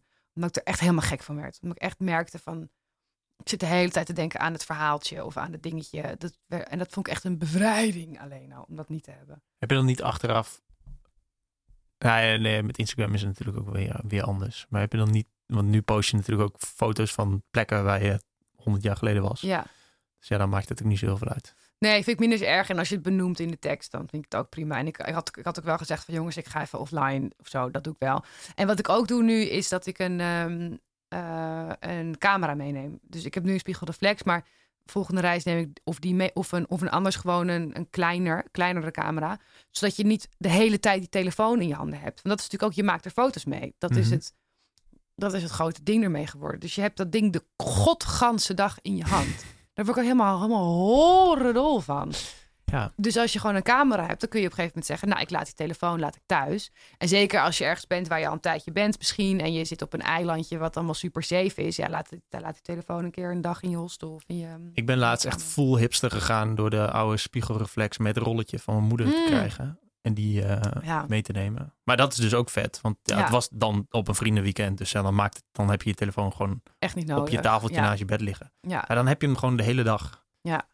Maar had jij niet, want ik heb ook dus wel, als ik heb dat dus, dus het ook nu een paar keer gedaan, dat ik dan mijn telefoon in mijn kamer liet en dan wel met die camera ging. Maar dan merkte ik toch dat zodra ik dan ergens op een terras zat of iets of even zat, dat ik dan op dat schermpje van die camera ging kijken en dan foto's terug ging kijken. Dat ik toch een beetje die screen Oh ja, ja, dat heeft dus mijn uh, uit 1976. Uh, heeft dat gewoon überhaupt niet? Nee, nee ja, dat, oh ja, dat, is natuurlijk, dat is natuurlijk echt te gek. Ja, ja het is een, uh, ik vind het moeilijk. Ik vind het echt een moeilijke combinatie. En ik vind het lastig om het los te laten, omdat ik ergens weet van, oh, je moet het loslaten. Maar denk ja, maar ook weer niet, want dit is gewoon mijn werk. Dus ja. Dat... Nou ja, dat is, het is een heel mooi bruggetje naar, uh, uh, naar doelen en middelen. Ik bedoel, kijk, als jij eerder was, je ging gewoon op reis omdat het vet was. En nu ga je ook op reis omdat je een boek moet maken of een, een blogpost moet schrijven. En ja, natuurlijk moet dat allemaal niet. Maar ja, wat je zegt, je bent wel je hobby kwijt. En dat is, dat is wel echt. Ja, dat had ik echt, dat had ik niet. Uh daar heb ik gewoon nooit zo over nagedacht. Want dat leek me. Ik heb, ik heb een, een, een dagboekfragment wat ik zelf altijd bewaard heb. Waar was ik in Rio ooit een jaar vijf geleden, denk ik. En toen heb ik opgeschreven: Ik vind dit zo leuk, dat, dat reis. Ik wil hier. En ik, voel me, ik voelde me altijd heel erg geïnspireerd. En ik dacht: Oh, ik wil hier gewoon over schrijven. En ik wil hier, ik wil hier, ik wil hier mijn werk van maken. En toen heb ik echt, op, echt opgeschreven: Dit moet toch kunnen op de een of andere manier. Misschien een blog of ik weet het niet. En, en heel vaak denk ik terug in dat moment. En dan heb ik gedacht, ja, fuck, ja, het, is vet dat het gelukt is in die zin. Maar aan de andere kant, jezus man, ik ben het ook echt een beetje kwijt. Ja. En dat, dat vind ik toch... Uh, Kun je dat ergens anders in vinden? Ja, nieuwe hobby. Nou, nee, ik denk dat ik, dat, dat ik dit gewoon moet uitbalanceren. Dat ik hier ook weer even een balans in moet vinden. Want uiteindelijk is het relatief nieuw. En uh, het grote verschil met de laatste reis waarin ik het boek heb geschreven... was dat ik gewoon een één duidelijk project, namelijk het boek. En dat betekende gewoon s ochtends opstaan, een tafel zoeken, zitten, schrijven. Niet per se over plek waar ik was, maar ook over andere plekken. Um, en ik heb daar in twee weken op een gegeven moment een soort van vrij gehad. Tot ik echt een leuke reis, reiservaring met scoot, een scootertocht en allemaal vette shit. En toen had ik dat gevoel ook wel weer. En ik vind, ik documenteer al mijn hele leven. Maar ik weet dit, dus dan heb je het waarschijnlijk ook gepost. Ja, later dus. Daarna een soort van recap van, oh ja, toen toen toen. Maar daar staat nog niks over op mijn blog. Maar ik denk dat, dat ik gewoon even moet uitvinden hoe, dit, hoe je dit kunt uitbalanceren. En dat, dat, dat komt ook wel weer. Ehm, en, um, en ik vind het ook leuk. Dat is natuurlijk ook het ding. Ik heb al, al lang voor Instagram en lang voor blogs schreef ik verhaaltjes. Dat doe ik echt al mijn hele leven. Ik heb al, ik ben opgegroeid met een vader en ook daarvoor een moeder die 100 miljoen miljard foto's maakten van elke scheet die we lieten. Ik heb in mijn huis staat 2,5 meter aan fotoboek. Vanaf de seconde dat ik geboren ben tot aan een paar jaar geleden. De dag dat ik gaatjes liet prikken toen ik tien was. Twee pagina foto's. Weet je, we hebben alles. Ik kom echt uit een gezin waarin heel veel wordt gedocumenteerd. Dus dat dagboek doe ik al sinds ik 16 ben. Dus vind het heel leuk om foto's te maken en om mijn herinneringen vast te leggen en om bonnetjes mee te nemen. En ik heb een grote man erboven staan met mijn herinneringen dozen heten die. Dus het zit allemaal heel, het komt heel natuurlijk wel. Mhm. Ik moet er gewoon even weer een nieuwe verhouding in vinden. Ik ja, natuurlijk. Het is gewoon eigenlijk opvoeding. Ja, opvoeding. Ja, ik weet gewoon niet beter. En ik vind het gewoon heel leuk. Ik, heb, hou, ik, hou, ik maak nog steeds fotoboeken van mijn eigen foto's uh, thuis. En ik vind het heel leuk om, om dat allemaal bij te houden. Dus het, is, het kost me geen moeite om het te doen. Het kost me moeite om het niet te doen. En dat. Ehm, maar waar zit het dan een beetje een soort van schoen die wringt als het, als het soort van een project wordt? Wanneer wordt het dan vervelend? Ik bedoel, als je foto's maken leuk vindt, reizen leuk vindt en dingen opschrijven leuk ja. vindt. Wanneer... Nou, omdat het, um, omdat het uh, ik, heb, ik heb wel veel situaties gehad waarin ik dan, zeker nu met, het laatste, met de laatste reis, die was van Indonesië naar Maleisië en toen ook Thailand. Um, en toen wist ik dat ik dat boek ging maken en dat die landen erin kwamen. En uh, dus was ik nog veel meer met fotografie bezig dan normaal. Uh, en, en toen heb ik wel vaak op plekken gestaan. Van, ja, kak, het is hier echt mooi. Maar weet je wat het echt mooi is? Als de zon net op is of net onder. En dan ga ik oh dat soort gedachten hebben. En dat, ja, dan kun je, dat is natuurlijk super first world maar toch stoort me dat. Dan denk ik, ja, Jezus, Lies, zei ik niet zo. En geniet gewoon van dat moment. Je staat bovenop een fucking vette vulkaan. En jij zit je zorgen te maken over dat de foto niet net zo mooi is als dat die ochtend zou zijn. Dat, dat haalt mij een beetje uit het moment en uit het plezier dat ik ervan heb. En in die zin wordt het wat zorgelozer. Uh, nee, zorgelo minder zorgeloos dus. Ja, precies. Dat je gewoon steeds denkt, oh ja, de consequentie ervan. Of... Maar dat is, dat is eigenlijk dan gewoon dat het veel meer planning wordt of zo. Ja, ja, zeker. En, en in het geval van dit boek was het ook echt, van deze reis was het, ik had gewoon een knetterstrakke deadline die ik moest halen. En uh, dat, was, dat, werd dan, dat was al nachtwerk en het was gewoon heel veel werk. En normaal, als ik dat boek niet heb, dan zou ik gewoon stukjes schrijven over de dingen die ik daar meemaak gisteren. En dat, dat gaat natuurlijk veel makkelijker. Uh, dan kun je veel meer opgaan in het moment. En dan kun je wel zeggen, s ochtends tegen nieuwe reisvrienden: ja hoor, ik ga wel mee, vet. Mm Dus dat kan wel. Dus zo'n zo'n super groot, zwaar project als dit. En dan tegelijkertijd op dezelfde manier willen backpackreizen. Ja, dat, dat, dat kan wel. Maar dan had ik er wel met een heel andere mindset in moeten gaan. Ik heb echt precies dit gesprek, dit stukje gehad net met Kevin. Oh ja? Sorry, nee, luisteraars.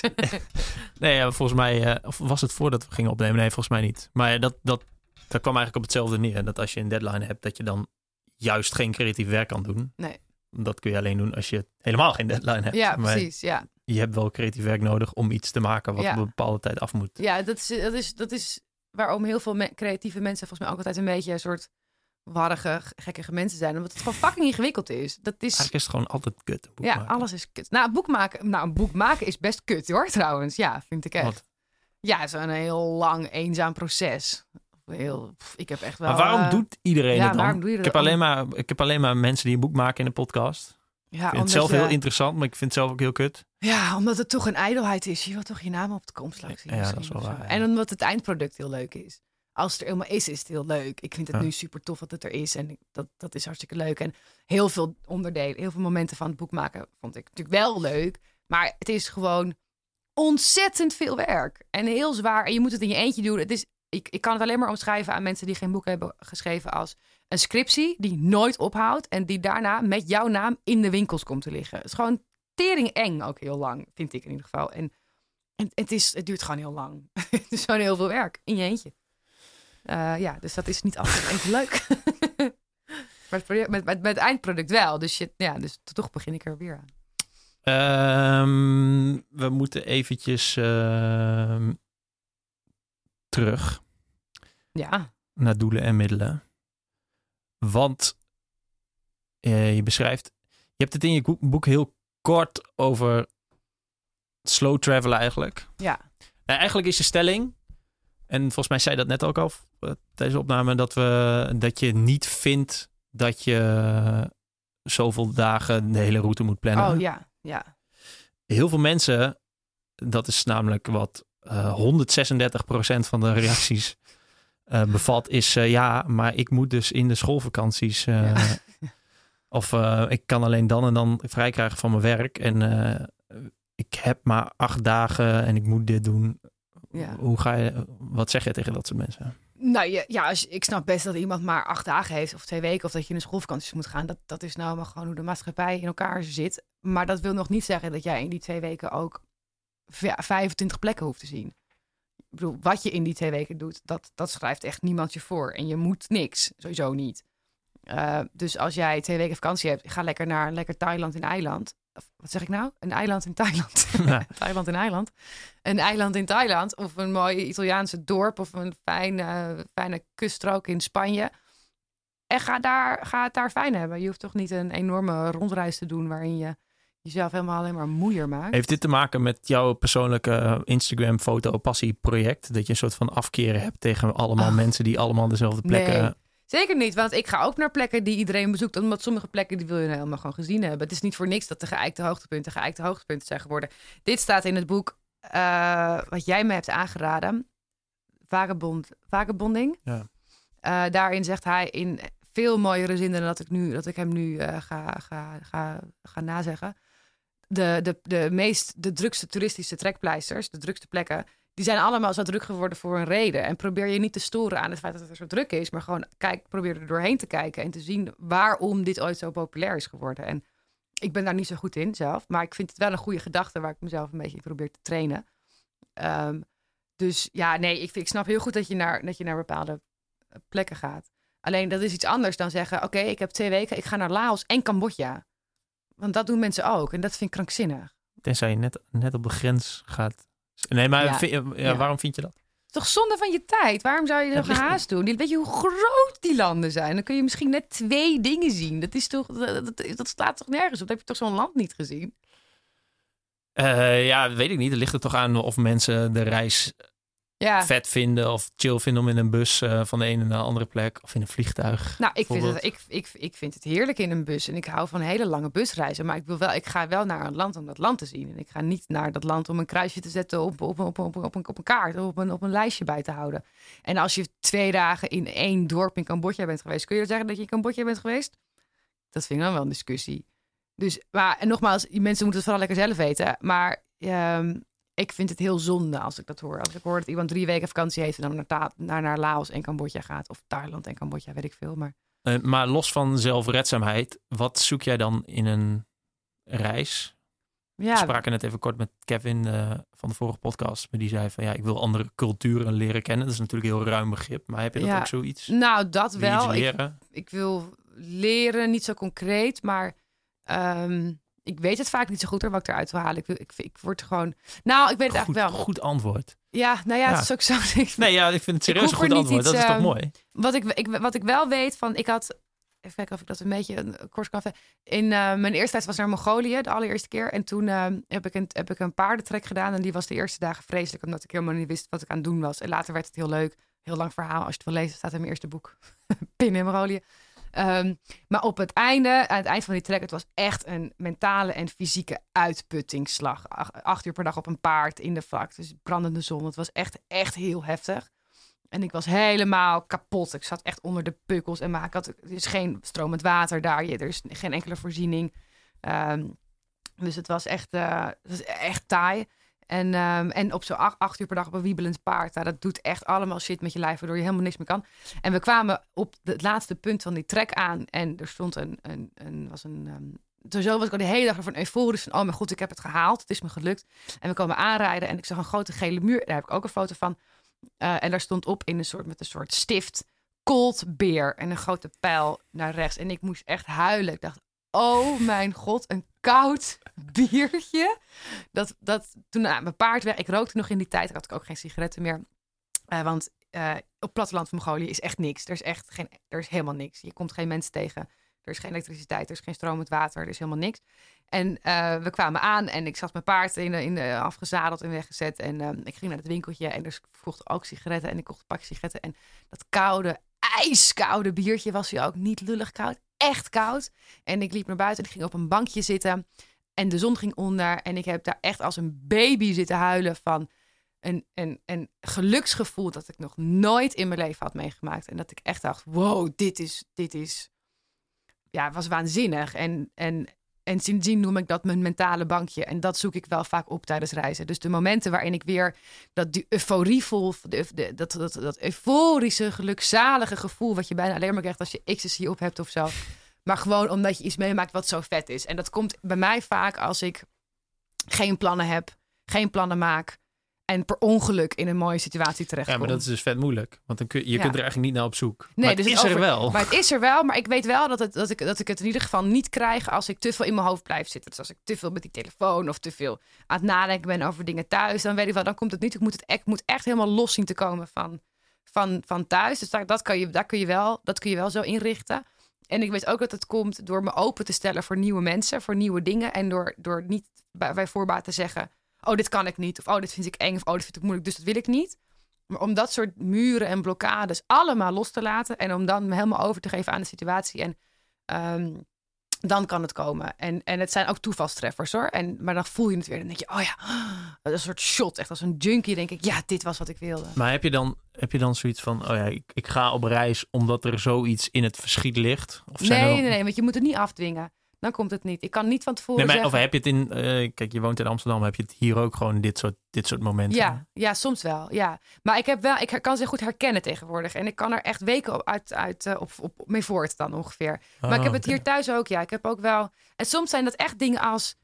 Dat ik, ik, ik huur een werkplek, een kantoortje in de Jordaan. En ik woon daar tien minuten lopen vandaan. En dat wandelingetje, dat vind ik heel prettig. Luister ik naar podcast of muziek of gewoon naar de vogeltjes. En um, uh, het kan ook al zijn dat ik dan naar huis loop en dat het heel hard regent. Heel hard gaat regenen.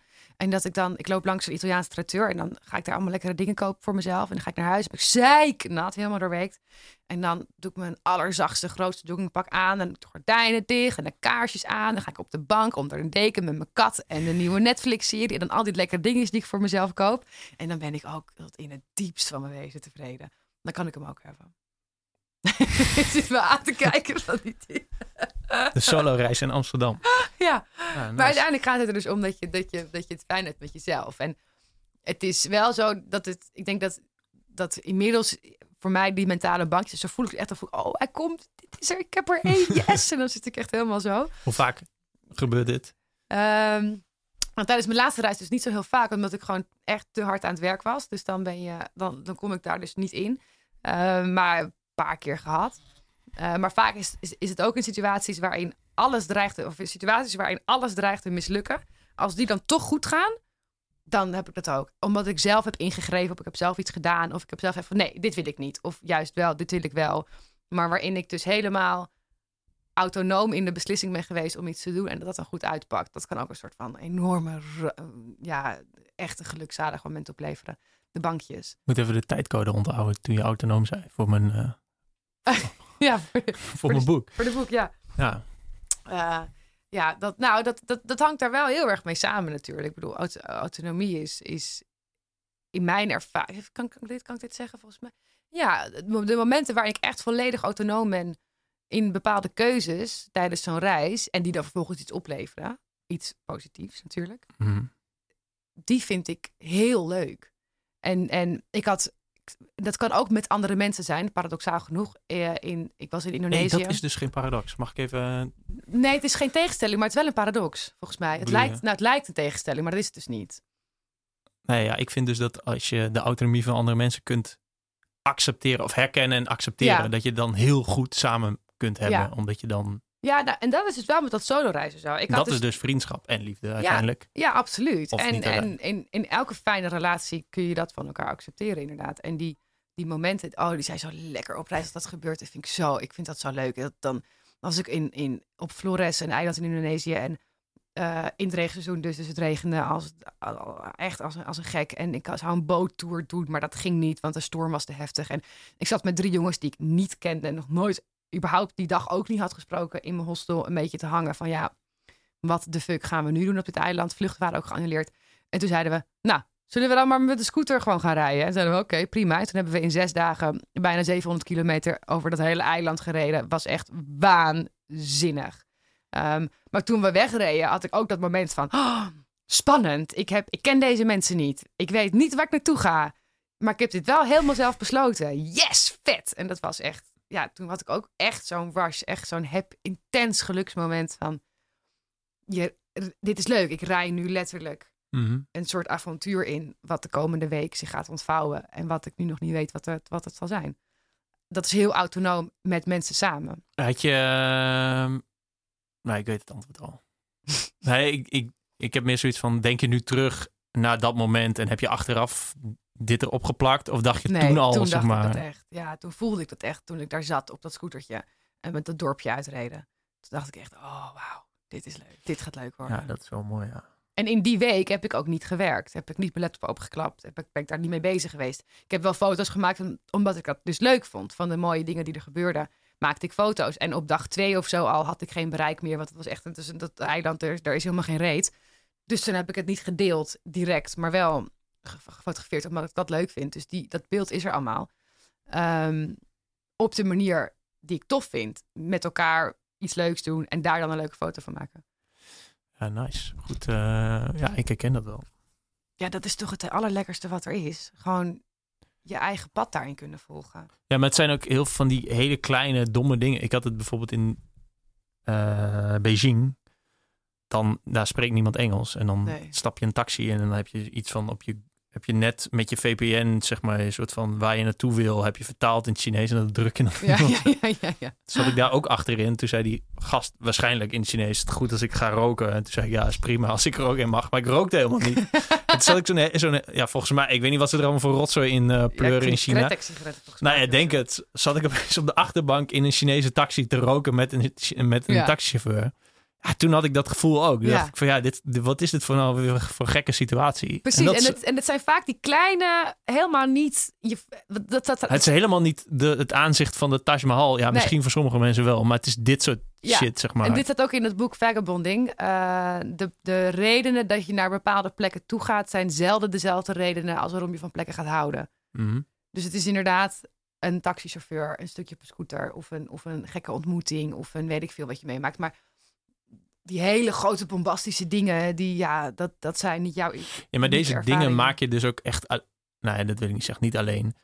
Er is een grotere kans dat je zoiets ervaart als je... Nou ja, inderdaad, eh, off the beaten track, bla bla bla, dat Ja. soort dingen. Maar als je zelf beslissingen neemt... Ja. En dan zelf inderdaad een keer ja zegt op Ja. iets waar je op 80% van de gevallen nee zou zeggen. Zeker. En ook omdat je dus het geluksgevoel niet kunt delen met iemand. En mensen zeggen, dan, oh, vind je dat dan niet vervelend? Dat, je zegt dan... mijn moeder. Tenminste, zei mijn moeder voordat ik al die dingen... Die Ja, precies. Ja, maar dan heb je niemand om het mee te delen. Ja, en dat is mam. precies de reden. Want dan ga je het helemaal intens in het zelf voelen. Je hoeft dat dan niet te, niet te ventileren. De prik gaat er niet uit, zeg maar. Je houdt dat helemaal zo van binnen. Ja. dat dat, dat is juist lekker. Waar ligt de grens dan tussen het avontuur en een, eh, en, eh, soort naïviteit? Ja. Ik bedoel, Ja, dat vind ik moeilijk. Het, ook, staat ook één zin in mijn boek inderdaad. Dat ik, zeker als vrouw alleen, is dat vaak een vraagstuk waar je voor komt te staan. Is, dit, is het aanbod van deze man om bij mij te komen, bij hem te komen eten, een leuke culturele avond? Of, eh, of eindig ik eh, vermoord in een steeg? Dat, dat, dat is...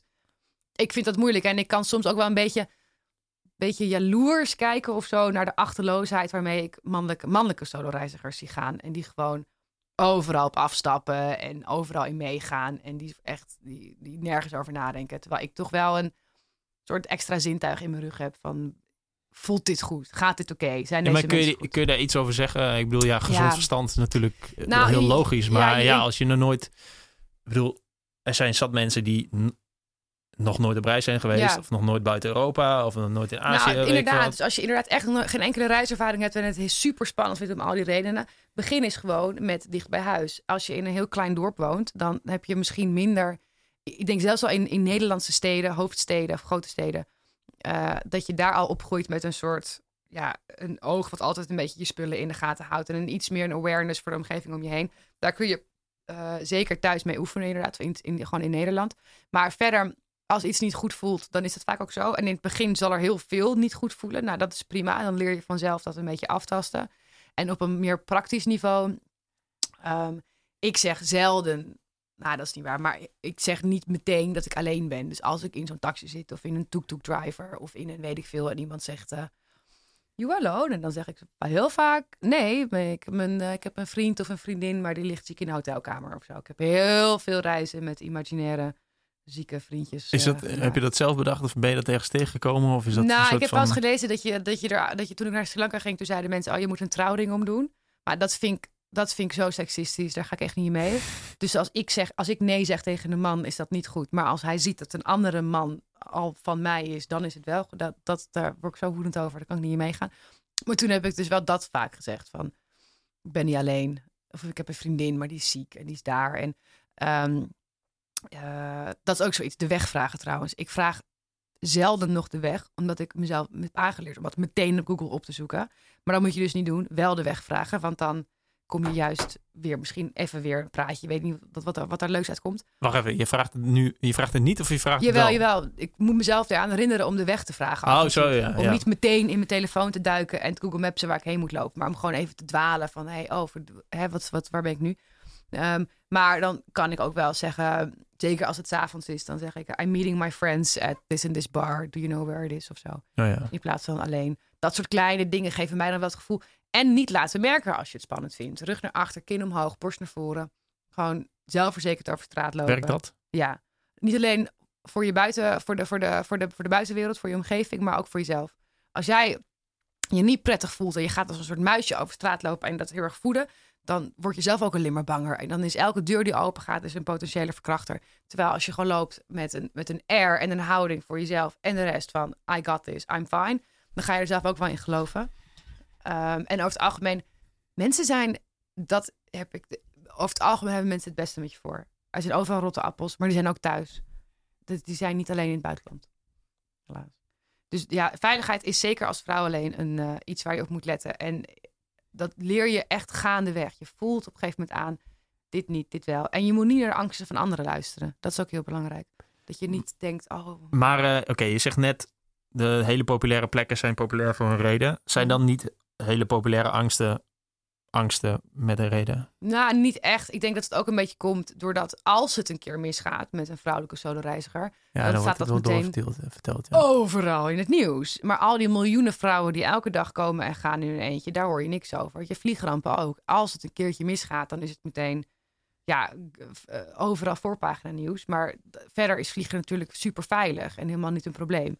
En dat gaat een beetje voorbij aan het feit dat, dat, dit, dat dit onderwerp wel ook met culturele issues te maken heeft. En dat het in het ene, ene land is er gewoon een ander beeld van vrouwen dan in het andere land. En kun je je niet overal op dezelfde manier voortbewegen. Um, dus pas je sowieso altijd aan aan lokale cultuur. Hè? Dus als er kledingvoorschriften zijn, hou je daar ook aan. Um, en je moet er, op Bali moet je toch ook altijd zo'n wijde broek met zo'n ja, maar zo'n ding moet je toch altijd aantrekken. Ja, dat moet een beetje anders geen. Uh... Zuidoost, heel Zuidoost-Azië moet dat. Ja, precies met van die olifantenprintjes erop. En uh, ja, ja, god, wat zie je die veel. Ja, degene die dat. Uh... Nee, ja. ja. Weet je wat heel grappig is? Ik ben dus met vrienden in 2007 volgens mij naar Thailand gegaan.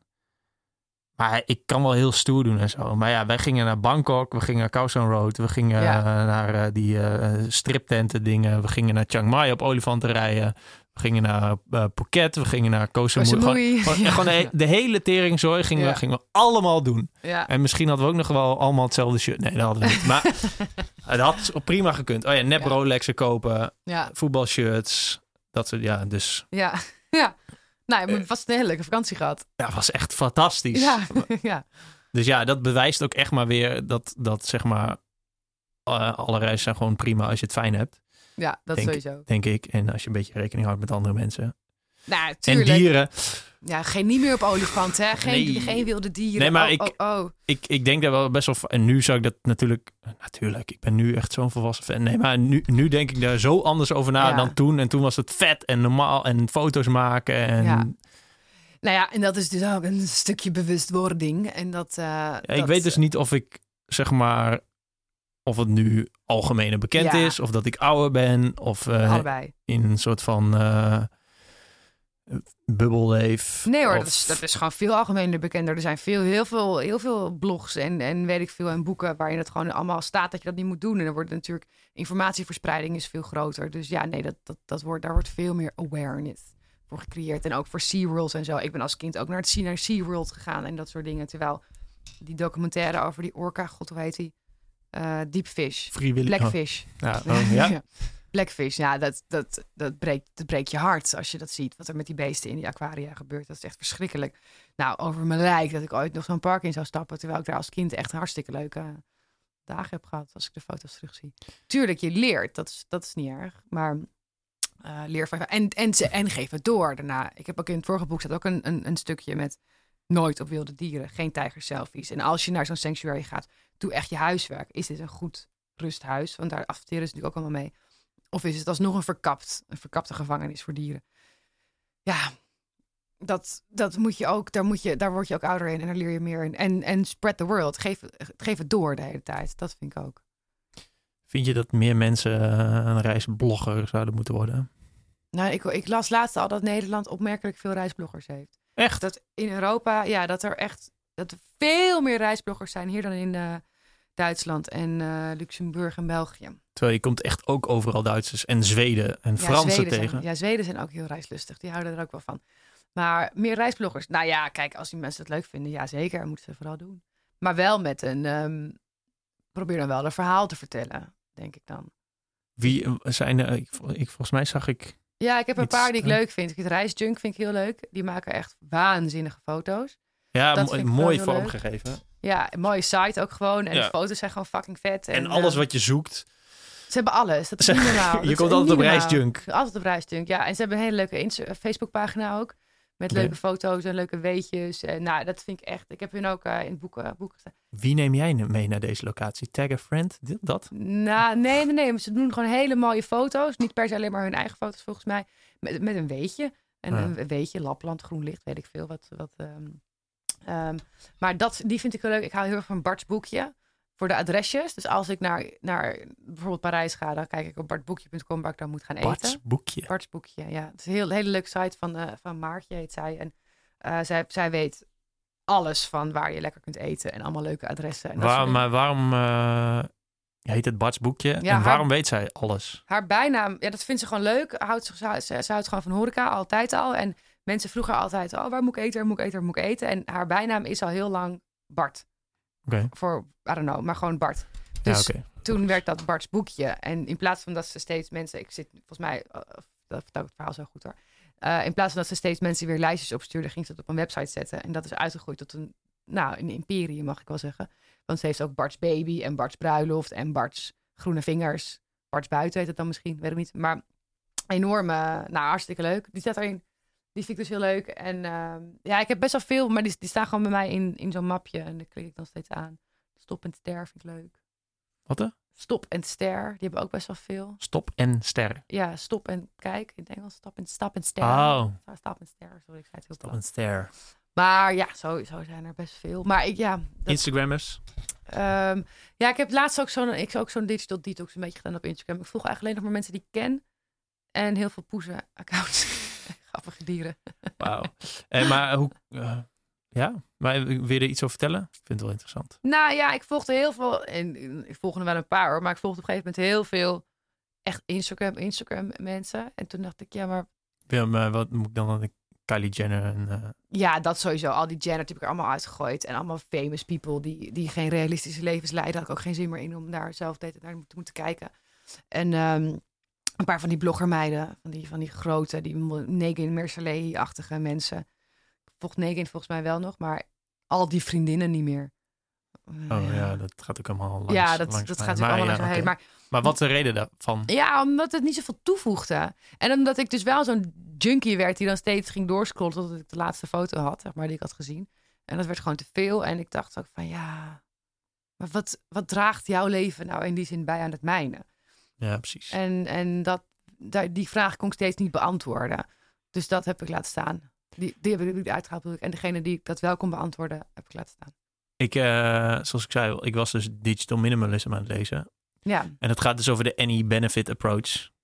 Ik weet niet of het zijn, nou in ieder geval, ik vind dat het zo heet. Maar dat heel veel mensen gebruiken dan een app omdat het één voordeel heeft, maar echt honderdduizend nadelen. Ja. Uh, heel veel mensen discussiëren over Instagram. Ja. Maar kijk, jij en ik ook gebruiken dat natuurlijk ook zakelijk. Ja, zeker. Ja. Ik heb dit laatste, volgens mij in de podcast van Ernst en uh, Alexander Klupping. Die luister jij ook. Ja, die heb ik ook geluisterd. Hier hadden ze het over. Ja, maar die... Ja. Wat zeiden ze nou? Ja, ze zeiden dat, hij, dat, dat Ernst heeft hem verwijderd. Of Alexander, een van de twee. De podcast heet trouwens, dit is een pod, deze podcast over media of zo. Een podcast over media, Ja. zo heet hij. Ja, maar omdat het komt omdat zij allebei het niet gebruiken Precies, om ja. hun boek te verkopen. Ja, nee, precies. Ja, dus ik hoorde het ook. Ik dacht ik, ja, ja, ja, ik snap wat je zegt. Maar die vlieger gaat voor mij niet op. Want inderdaad, ik verkoop een boek ermee. Ik verdien er ook af en toe geld mee. En, en ik haal er wel heel veel plezier uit. Nu dus weer. Ik vind het echt heel leuk en heel gezellig. En, eh, ehm, maar er zijn denk ik wel apps bij wie ik me... Even kijken of ik andere apps... Ja, Twitter misschien. Mm, nou ja, verder gebruik ik... Ik heb geen eh, Snapchat of zo. Gebruik ik helemaal niet. Nee, maar ik bedoel eigenlijk meer, de vraag was eigenlijk hoe... Kijk, je hebt het laatst heb je het verwijderd. Dus het is wel een soort van Ja. Ja, toen werd het... Ja, interne struggle met dat ja, kut-app. ja, Die, die ook wel weer leuk is, maar die ook wel weer... Ja, dat is wel is- waar. Ja, en ook is het eh, sinds, sinds het algoritme allemaal zo anders is, is het ook gewoon. Dat, Het algoritme, maar wel hoe anders. Ik bedoel dat je drie keer per dag moet posten en de hele tijd van die... nou ja, dat. Er was een tijd dat er gewoon bij mij honderd volgers per dag bij kwamen. kwamen. En niet dat het allemaal om het aantal volgers gaat, maar dingen waar groei in zit is over het algemeen leuker dan dingen die stagneren of die, of die gewoon leeglopen. Dus dat, Ja, je investeert in dingen die, waarvan je denkt dat het meer waard wordt. Zeg Ja. maar, ja. dat toch, dat is. Uiteindelijk moet het, gaat niet om of je B of groei, gewoon in ieder geval. In, in any which way. En ehm, dat op een gegeven moment dacht ik, ja, flikker op met dat hele kut Instagram. Je moet nu meedoen aan dat spel met. Met Maar met- wat is het spel? Ik, ik ben daar, ik, ik, ik, ben het helemaal kwijt. Nee, maar ik snap, Nou ja, het, ik snap er er- helemaal niks meer van. Nee, Gewoon- nou, ik doe er nu niet. Ik doe er dus niet aan mee. Niet maar dat je dus eh, in commentpots ging, ging, gingen toch heel veel mensen op een gegeven moment. En echt eh, elke dag posten en overal op reageren. Ja, daar heb ik vaak helemaal geen zin in. Dus dat doe ik nu ook niet. En nu gaat het dan wel weer iets beter, omdat ik dan nu veel met het boek bezig ben. Maar over het algemeen, bij jou ook, gaat er of gestaag een klein beetje af, of het blijft gelijk. Toch, Ja, hebt het er gaat wel eerder over gehad. Ja, dat ja, is gewoon een nieuwe, het nieuwe Instagram. Of je gaat dus erin mee en je geeft je daar aan over. En je gaat gewoon helemaal vol op Instagram. Maar Ja. daar heb ik geen zin in. Maar eh, is dat omdat je dat gewoon heel stom vindt? Of omdat je daar gewoon niet wil bijdragen aan, aan Instagram? En dat Instagram meer waard wordt of zo? Ik weet niet. Nee, dat Zoiets. laatste helemaal niet. Omdat het past gewoon niet bij me. Dat, eh, ja, heb ik gewoon geen zin in. Dat staat me helemaal niet. Misschien, eh, ja, misschien dat we deze zijweg helemaal niet in moeten. Maar ik vraag me dan echt af hoeveel tijd mensen bezig zijn. Veel hoor. Die, eh, mensen met heel veel volgers op Instagram. Dus echt vanaf 100.000 of 150.000. Er hebben vaak wel mensen ervoor ook, denk ik. Gewoon een stagiaire die DM's beantwoordt en zo. Ehm, ah, shit. Dan zit ik dus met stagiaires te DM'en. Nee, maar die is te vertellen Nee, waar maar- je dat leuke topje kunt kopen. oh my god, waar heb je deze gekocht? Ja. Die drie pixels die ik zie op jouw foto. Maar nee, maar hoe- hoeveel, ja, zou je, kun je er iets over zeggen? Hoeveel tijd ben je kwijt met, nou ja, zeker. Sterker nog, daar kan de app wat over zeggen. ja, ik weet wel hoe lang ik op Instagram zit. Vet Nou. lang. Daar heb je toch je antwoord? Nee, maar ik bedoel met, met posten. Ik bedoel, Oh. eh, ja, je, er zijn echt mensen die drie posts op een dag doen. Ja. Kijk, ik heb nu een kamerplanten-account. Ja. En dan, ik maak dus foto's met spiegelreflex. En die zet ik dan op mijn computer. En dan misschien dat ik het nog eventjes een klein beetje bewerk. Ja. En ik schrijf een heel stukje. Ik denk, jongen, jongen, wat veel tijd ben ik hiermee kwijt. En dan heb ik vijf posts. En dan doe ik iedere dag één. En dan moet ik Ja. in vijf dagen moet ik dat weer doen. ja, het is water naar de zee dragen. Holy shit. Ja, ja.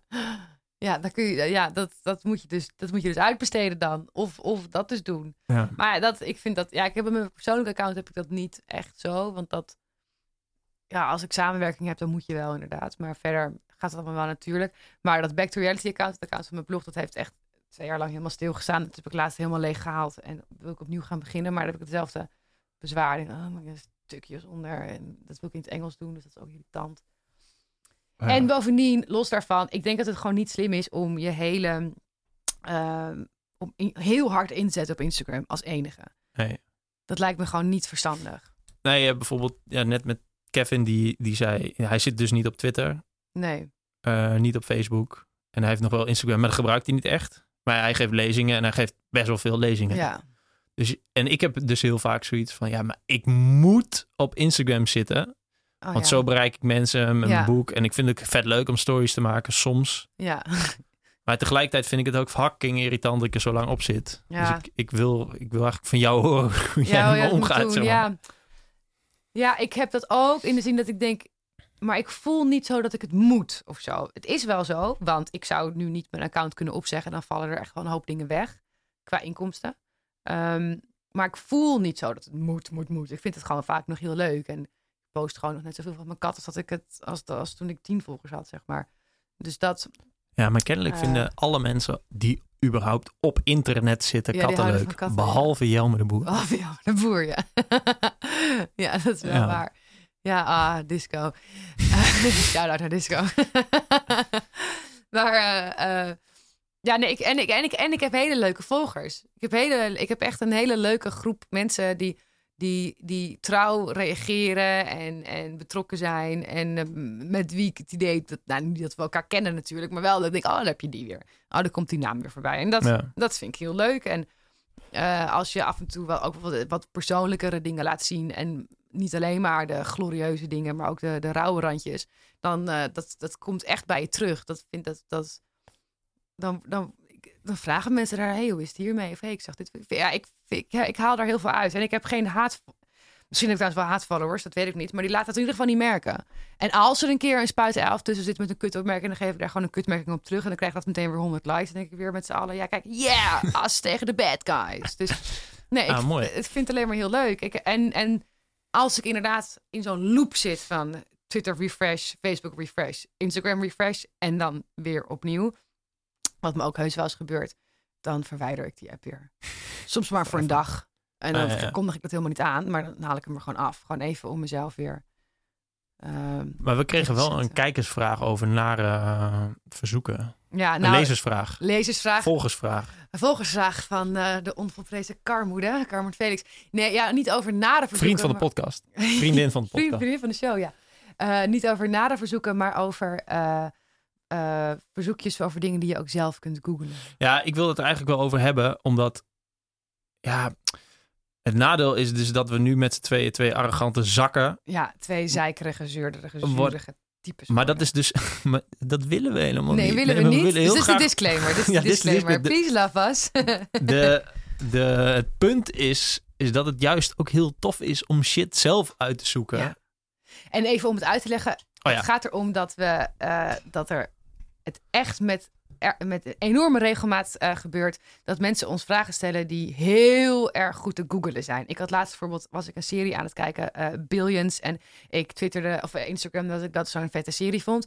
En toen eh, kreeg ik meteen iets van 30 DM's met mensen die zeggen: waar kijk je dat dan? Terwijl als je letterlijk aan Google vraagt. Waar kijk ik Billions? Dan krijg je gewoon meteen te zien dat je het op Ziggo kijkt in Nederland. Of op film 1, geloof ik, of zo.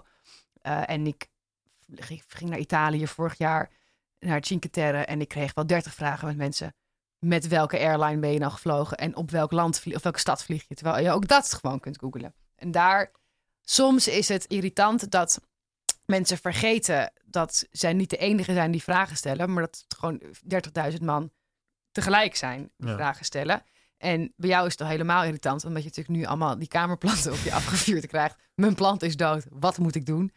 Ja. Eh, je bent dat is niet wel de reden waarom het boek er is, maar ja. Ja, maar het is ook, en dat is inderdaad het ingewikkelde. Soms is het, is het, is het, eh, er komen ook hele leuke vragen trouwens. En als iemand vraagt, Ja, en volgens mij is ook echt 95% wel leuk. Ja, maar zeker. dan die, het is, er zitten maar er gewoon... zitten er gewoon een paar bij wie gewoon heel vermoeiend zijn. Ook omdat het gewoon, dat je denkt, ja, maar het is ook, ik vind het een beetje onbeleefd om gewoon, dus ik heb letterlijk wel eens gehad met iemand en die zei, eh, eh, en zei, ik, dit, dit staat op mijn blog. En toen zei ik, ja, maar dan moet ik die blog helemaal doorspitten. Kun je niet even een linkje doorsturen?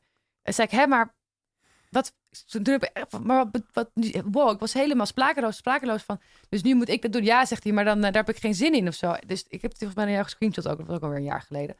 Maar het gaat erom dat iemand dus zegt, nou, ik heb er geen zin in om het uit te zoeken. En die dumpt gewoon die, die, die plicht bij iemand anders die die niet kent. En dat, daar Ja, verzet ik me op en- een principieel niveau tegen. En mensen bedanken je niet als je het wel doet. Nee, dus alle mensen. mensen die luisteren en die wel eens DM sturen naar iemand online of e-mails met een vraag. En als je dan wel het antwoord krijgt, stuur een bedankje van hey, thanks of iets. Dat is echt schokkend hoeveel e-mails. Of ik heb een, zo'n contactformulier op mijn website staan. En dan eh, mensen, zeker over met reisdingen van oh, ik ga daarheen, waar moet ik slapen? Of oh, route, zus, zus, zus. En dan neem ik de tijd om te antwoorden. Soms best wel lang. Soms ben je gewoon een kwartier een e-mail aanschrijven naar iemand en dan nothing. Vind ik zo erg eigenlijk. Vind ik echt onaardig. Ik neem de tijd voor je. Doe dat dan ook even voor mij weer terug. En, en probeer het eerst even te googlen. Dat is toch... En verder is het heel leuk als mensen vragen sturen. Want dat maakt Instagram leuk, zeg ik er nu bij. Maar wel even googlen. Ja. Google is great. ja, het, het werkt best wel goed. Google is heel goed. Je kunt wel echt... Uh, ja, ja, ik kan het ook niet laten heel vaak. Dus nu in het geval van dat Billions voorbeeld, dan een screenshot te maken van mijn eigen Google search. Waar kijk ik Billions? En dan stuur ik dat als antwoord. Ja, maar dan ben jij de arrogante. Ja, dan ben ik de arrogante, maar dat kan ik me toch niet laten maar om is een beetje passief-agressief te zijn. Ik ben daar dan benieuwd naar. Gaan mensen dan gewoon op Netflix dat intypen en dan denk je, oh, het staat niet op Netflix. Ja, dat, dus dan... Of ze, of, ze, of ze doen dat niet eens. Of ze knallen het gewoon meteen op je af. Gewoon meteen. Maar kijk je dat dan? Gewoon nul zelf uitzoeken. Gewoon nul. Ik heb dus heel vaak nog steeds dat als ik iets eet. Oh ja. recept? Vraagteken. Ja, zo, ja, Monique van Loon doet dat leuk. Hè? Die, zegt dat dan, die, gaat, die zegt dan woef terug. Zo van, ik ben toch bij je hond toch niet? Ah, ja. Uh, maar ja, jij bent natuurlijk ook nog een fitboy. Dus dan krijg je dat ook meteen weer. Dan heb je ze allemaal. En de, en de en de... Nou, gisteren kreeg ik een, uh, een uh, Telegram bericht van iemand die ik nou, die ken ik weer via via. En die had ik op Bali ontmoet in zo'n coworking space. Maar die hoorde dus via via dat ik... Ja, ik ga nog steeds naar de gym en ik heb er wel een beetje verstand van. Maar toen moest ik gisteren weer eventjes uh, iemand zijn uh, voedingsdagboekje Echt? controleren en bijhouden en tips geven. En welke soort proteïne hij moest eten en zo. Toen dacht ik, oh ja, die heb ik lang niet meer meegemaakt. Dus, Shit, dus ja. ik heb ja, ben een jong leren met vier onderwerpen. Ja, precies. Zo'n beetje. Ja, het is gek. Het is, een, uh, het, maakt, het is heel leuk aan social dat je zo direct in contact staat met mensen. En, maar het, is, het zorgt er ook voor dat, het, dat, het, dat je soms even vergeet dat zo'n vraag. Ik heb ook best wel vaak dat mensen zeggen: Oh, ik had niet verwacht dat je zou antwoorden. Dan denk ik, ja, maar stel die vraag dan ook niet. Of dat je ook niet verwacht dat je dat zou lezen. Het is gek. Het ja, maar is, dat... Uh, Oké, ja. vind dat, ja, ik weet niet. Ik, ik, doe mijn best om op alle DM's te beantwoorden. En dan soms vind ik het gewoon vervelend dat iemand dan gewoon nul eigen energie daarin stopt. En dat maakt het ook gewoon minder leuk voor, voor, voor diegene, maar ook voor mij. Ja. Ja, ik... Uh... Maar we zijn niet zuur, hopen we. nou ja, het is gewoon... Het is, gewoon, uh, het is ook weer echt zo'n first world problem, maar nog steeds een probleem. Ja. ja. Dat, het, dat het best wel... Ja, ik, ik weet dus nog... Ja, ik vind het dus heel moeilijk om ermee om te gaan. Want ik denk dan... Nou, dit is eigenlijk best wel een vervelende, domme, directieve vraag. Ik wil er dan ook niet met woef op antwoorden. Nee. Maar eigenlijk wil ik wel dat die persoon dan snapt van... joh, dit slaat nergens op dat je mij dit vraagt. Van... Ja, ik had wel laatst... Uh, wat zei iemand? Had ook iets, iets zoiets gestuurd van recept of zoiets. Heel, heel onaardigs. En toen had ik teruggestuurd. Nou, hallo, weet ik veel, Saskia. Wat superleuk dat je dat aan me vraagt. Ik hoop dat jij een fijne dag hebt. Het antwoord is dit. En uh, verder, nou, geniet van de zon. Hartstikke groetjes. En toen reageerde ze alleen met, oké, top, dank je. ik ook, nou, dit, dit, dit wordt dus ook en niet waarschijnlijk had zij ook wel, had zij het ook wel door. ja, ik weet niet. Ja. Maar ja, eh, online etiketten. nou, daar zijn we wel heel mooi bij het begin van deze podcast. Dat online etiketten natuurlijk in heel veel uh, vormen vaak ver te zoeken zijn. Met Twitter als ultiem hoogtepunt. Nou, ja, ja. Ja, wel, de, de, de shit die daar gewoon naar je geblaft wordt. Ik moest wel zeggen dat, dat ik, ik stond wel echt te kijken. Ik zei het voordat we gingen opnemen ook al. Van wat voor gekke, debiele reacties. Ja, ik heb ook best wel veel mensen, vrienden gewoon die mij net nog iemand die me WhatsApp. Jezus, Mina, het gaat, Twitter gaat los. Gaat het? ja, dat is echt. Uh, het gaat ook, maar door. Het stopt niet. Nou ja. Ja, voor de mensen die het willen volgen, volg uh, Lisbeth op uh, Twitter. Ja, het is allemaal heel interessant. Ja. Um, we hebben het al een tijdje niet over je boek gehad. Oh ja, Wil je er nog iets over kwijt? Boek. Nou, nee. Ik heb, we hebben het genoeg over gehad. Het leuk boek. ja, super leuk boek. Ja. Koop het in je lokale boekhandel. Ja, dat is helemaal top. Um, nee, we moeten nog wel eventjes uh, um, afsluiten met... Ben je nou iemand die... Puntje, puntje, puntje, puntje... Voor vier puntjes. Uh, dan moet je dit boek kopen. Want nu zijn ze op het eind. En dan hebben ze. Mensen oh. weten niet meer echt, zeg maar, waar, het, waar, dit, nee, waar dit verhaal over ging ook weer. Oh ja, dat weet ik ook niet meer. Maar ben je iemand die denkt, nou, dat solo reizen, dat zou wel eens iets voor mij kunnen zijn. Koop mijn boek. Of als je het al gedaan hebt en je bent op zoek naar nieuwe reisinspiratie, koop je boek. Maar je kunt natuurlijk ook de reizen die, die erin staan met iemand maken. Dat mag ook. Oh, dat mag um, nog. Ook een leuke Nu zijn het wel echt heel veel doelgroepen. Die geslaagd ja, het, boek is voor iedereen die van reizen houdt. Ja, dat is de doelgroep. En dan specifiek mensen die, die alleen zouden willen gaan. Ik vind, het trek ook, je over de streep. ik vind het ook een boek voor mensen die, die voor jonge mensen die zichzelf nog een beetje soort van die van zichzelf weten dat ze een beetje bangig zijn. Ja, dat is ook goed. Ja, dat is zeker waar. Ja. Een soort van denk Ja. van hoe nee, ja, dat klinkt heel stom, maar ik moet nog een Nou, stap als zetten om volwassen te worden. Ja, of als je nog ge- ge- getergd wordt door vele onzekerheden of zo, dan is het ook echt lekker om dat te doen en, dat, eh, en daar wat zelfverzekerder en sterker van in je schoenen gaat staan. En mensen die andere mensen om zich heen hebben waar zich die heel erg stempel op hun drukken. Ja, gewoon als, het al- als, je- als je denkt, nou, dat lijkt me gewoon wel tof een keer, dan moet je het gewoon een keer doen. Je hoeft het maar één keer te doen en als je het stom vindt, hoef je het dan nooit meer te doen. Eh, gestelde vragen. Kan dit ook als ik eh, ben eh, getrouwd en 28 kinderen heb? Ja, ja, ja, ja. Kan dit ook als ik 60 plus ben? Ja, ja, ja, ja. Eh, ja. Juist als je, als je 28 kinderen hebt, is het heerlijk om eventjes weg te gaan van al die kinderen en geen gezeur in je hoofd te hebben die Vanaf hoe oud mag dit? Kan dit? vanaf zo oud als je ouders toelaten. Ehm, ja, dat was het wel eigenlijk. Was het wel, hè? Ja. Ja, volgens mij was dat het wel. Oké, dus het boek is eigenlijk voor iedereen. Het boek is voor Nou. iedereen. Hartstikke mooi. Eh, we kunnen jou volgen op eh backtoreality.com. Kom. En eh, Instagram, het, Liesbeth Rasker. En Push Disco. en Poes Disco. en Twitter ook Liesbeth Rasker gewoon. Ja. Oké, nou bedankt voor je aanwezigheid weer. Dat klonk niet zo vriendelijk, maar dat was het wel. En ja. alle mensen bedankt voor het luisteren en tot de volgende keer. Tot de volgende keer. Doei.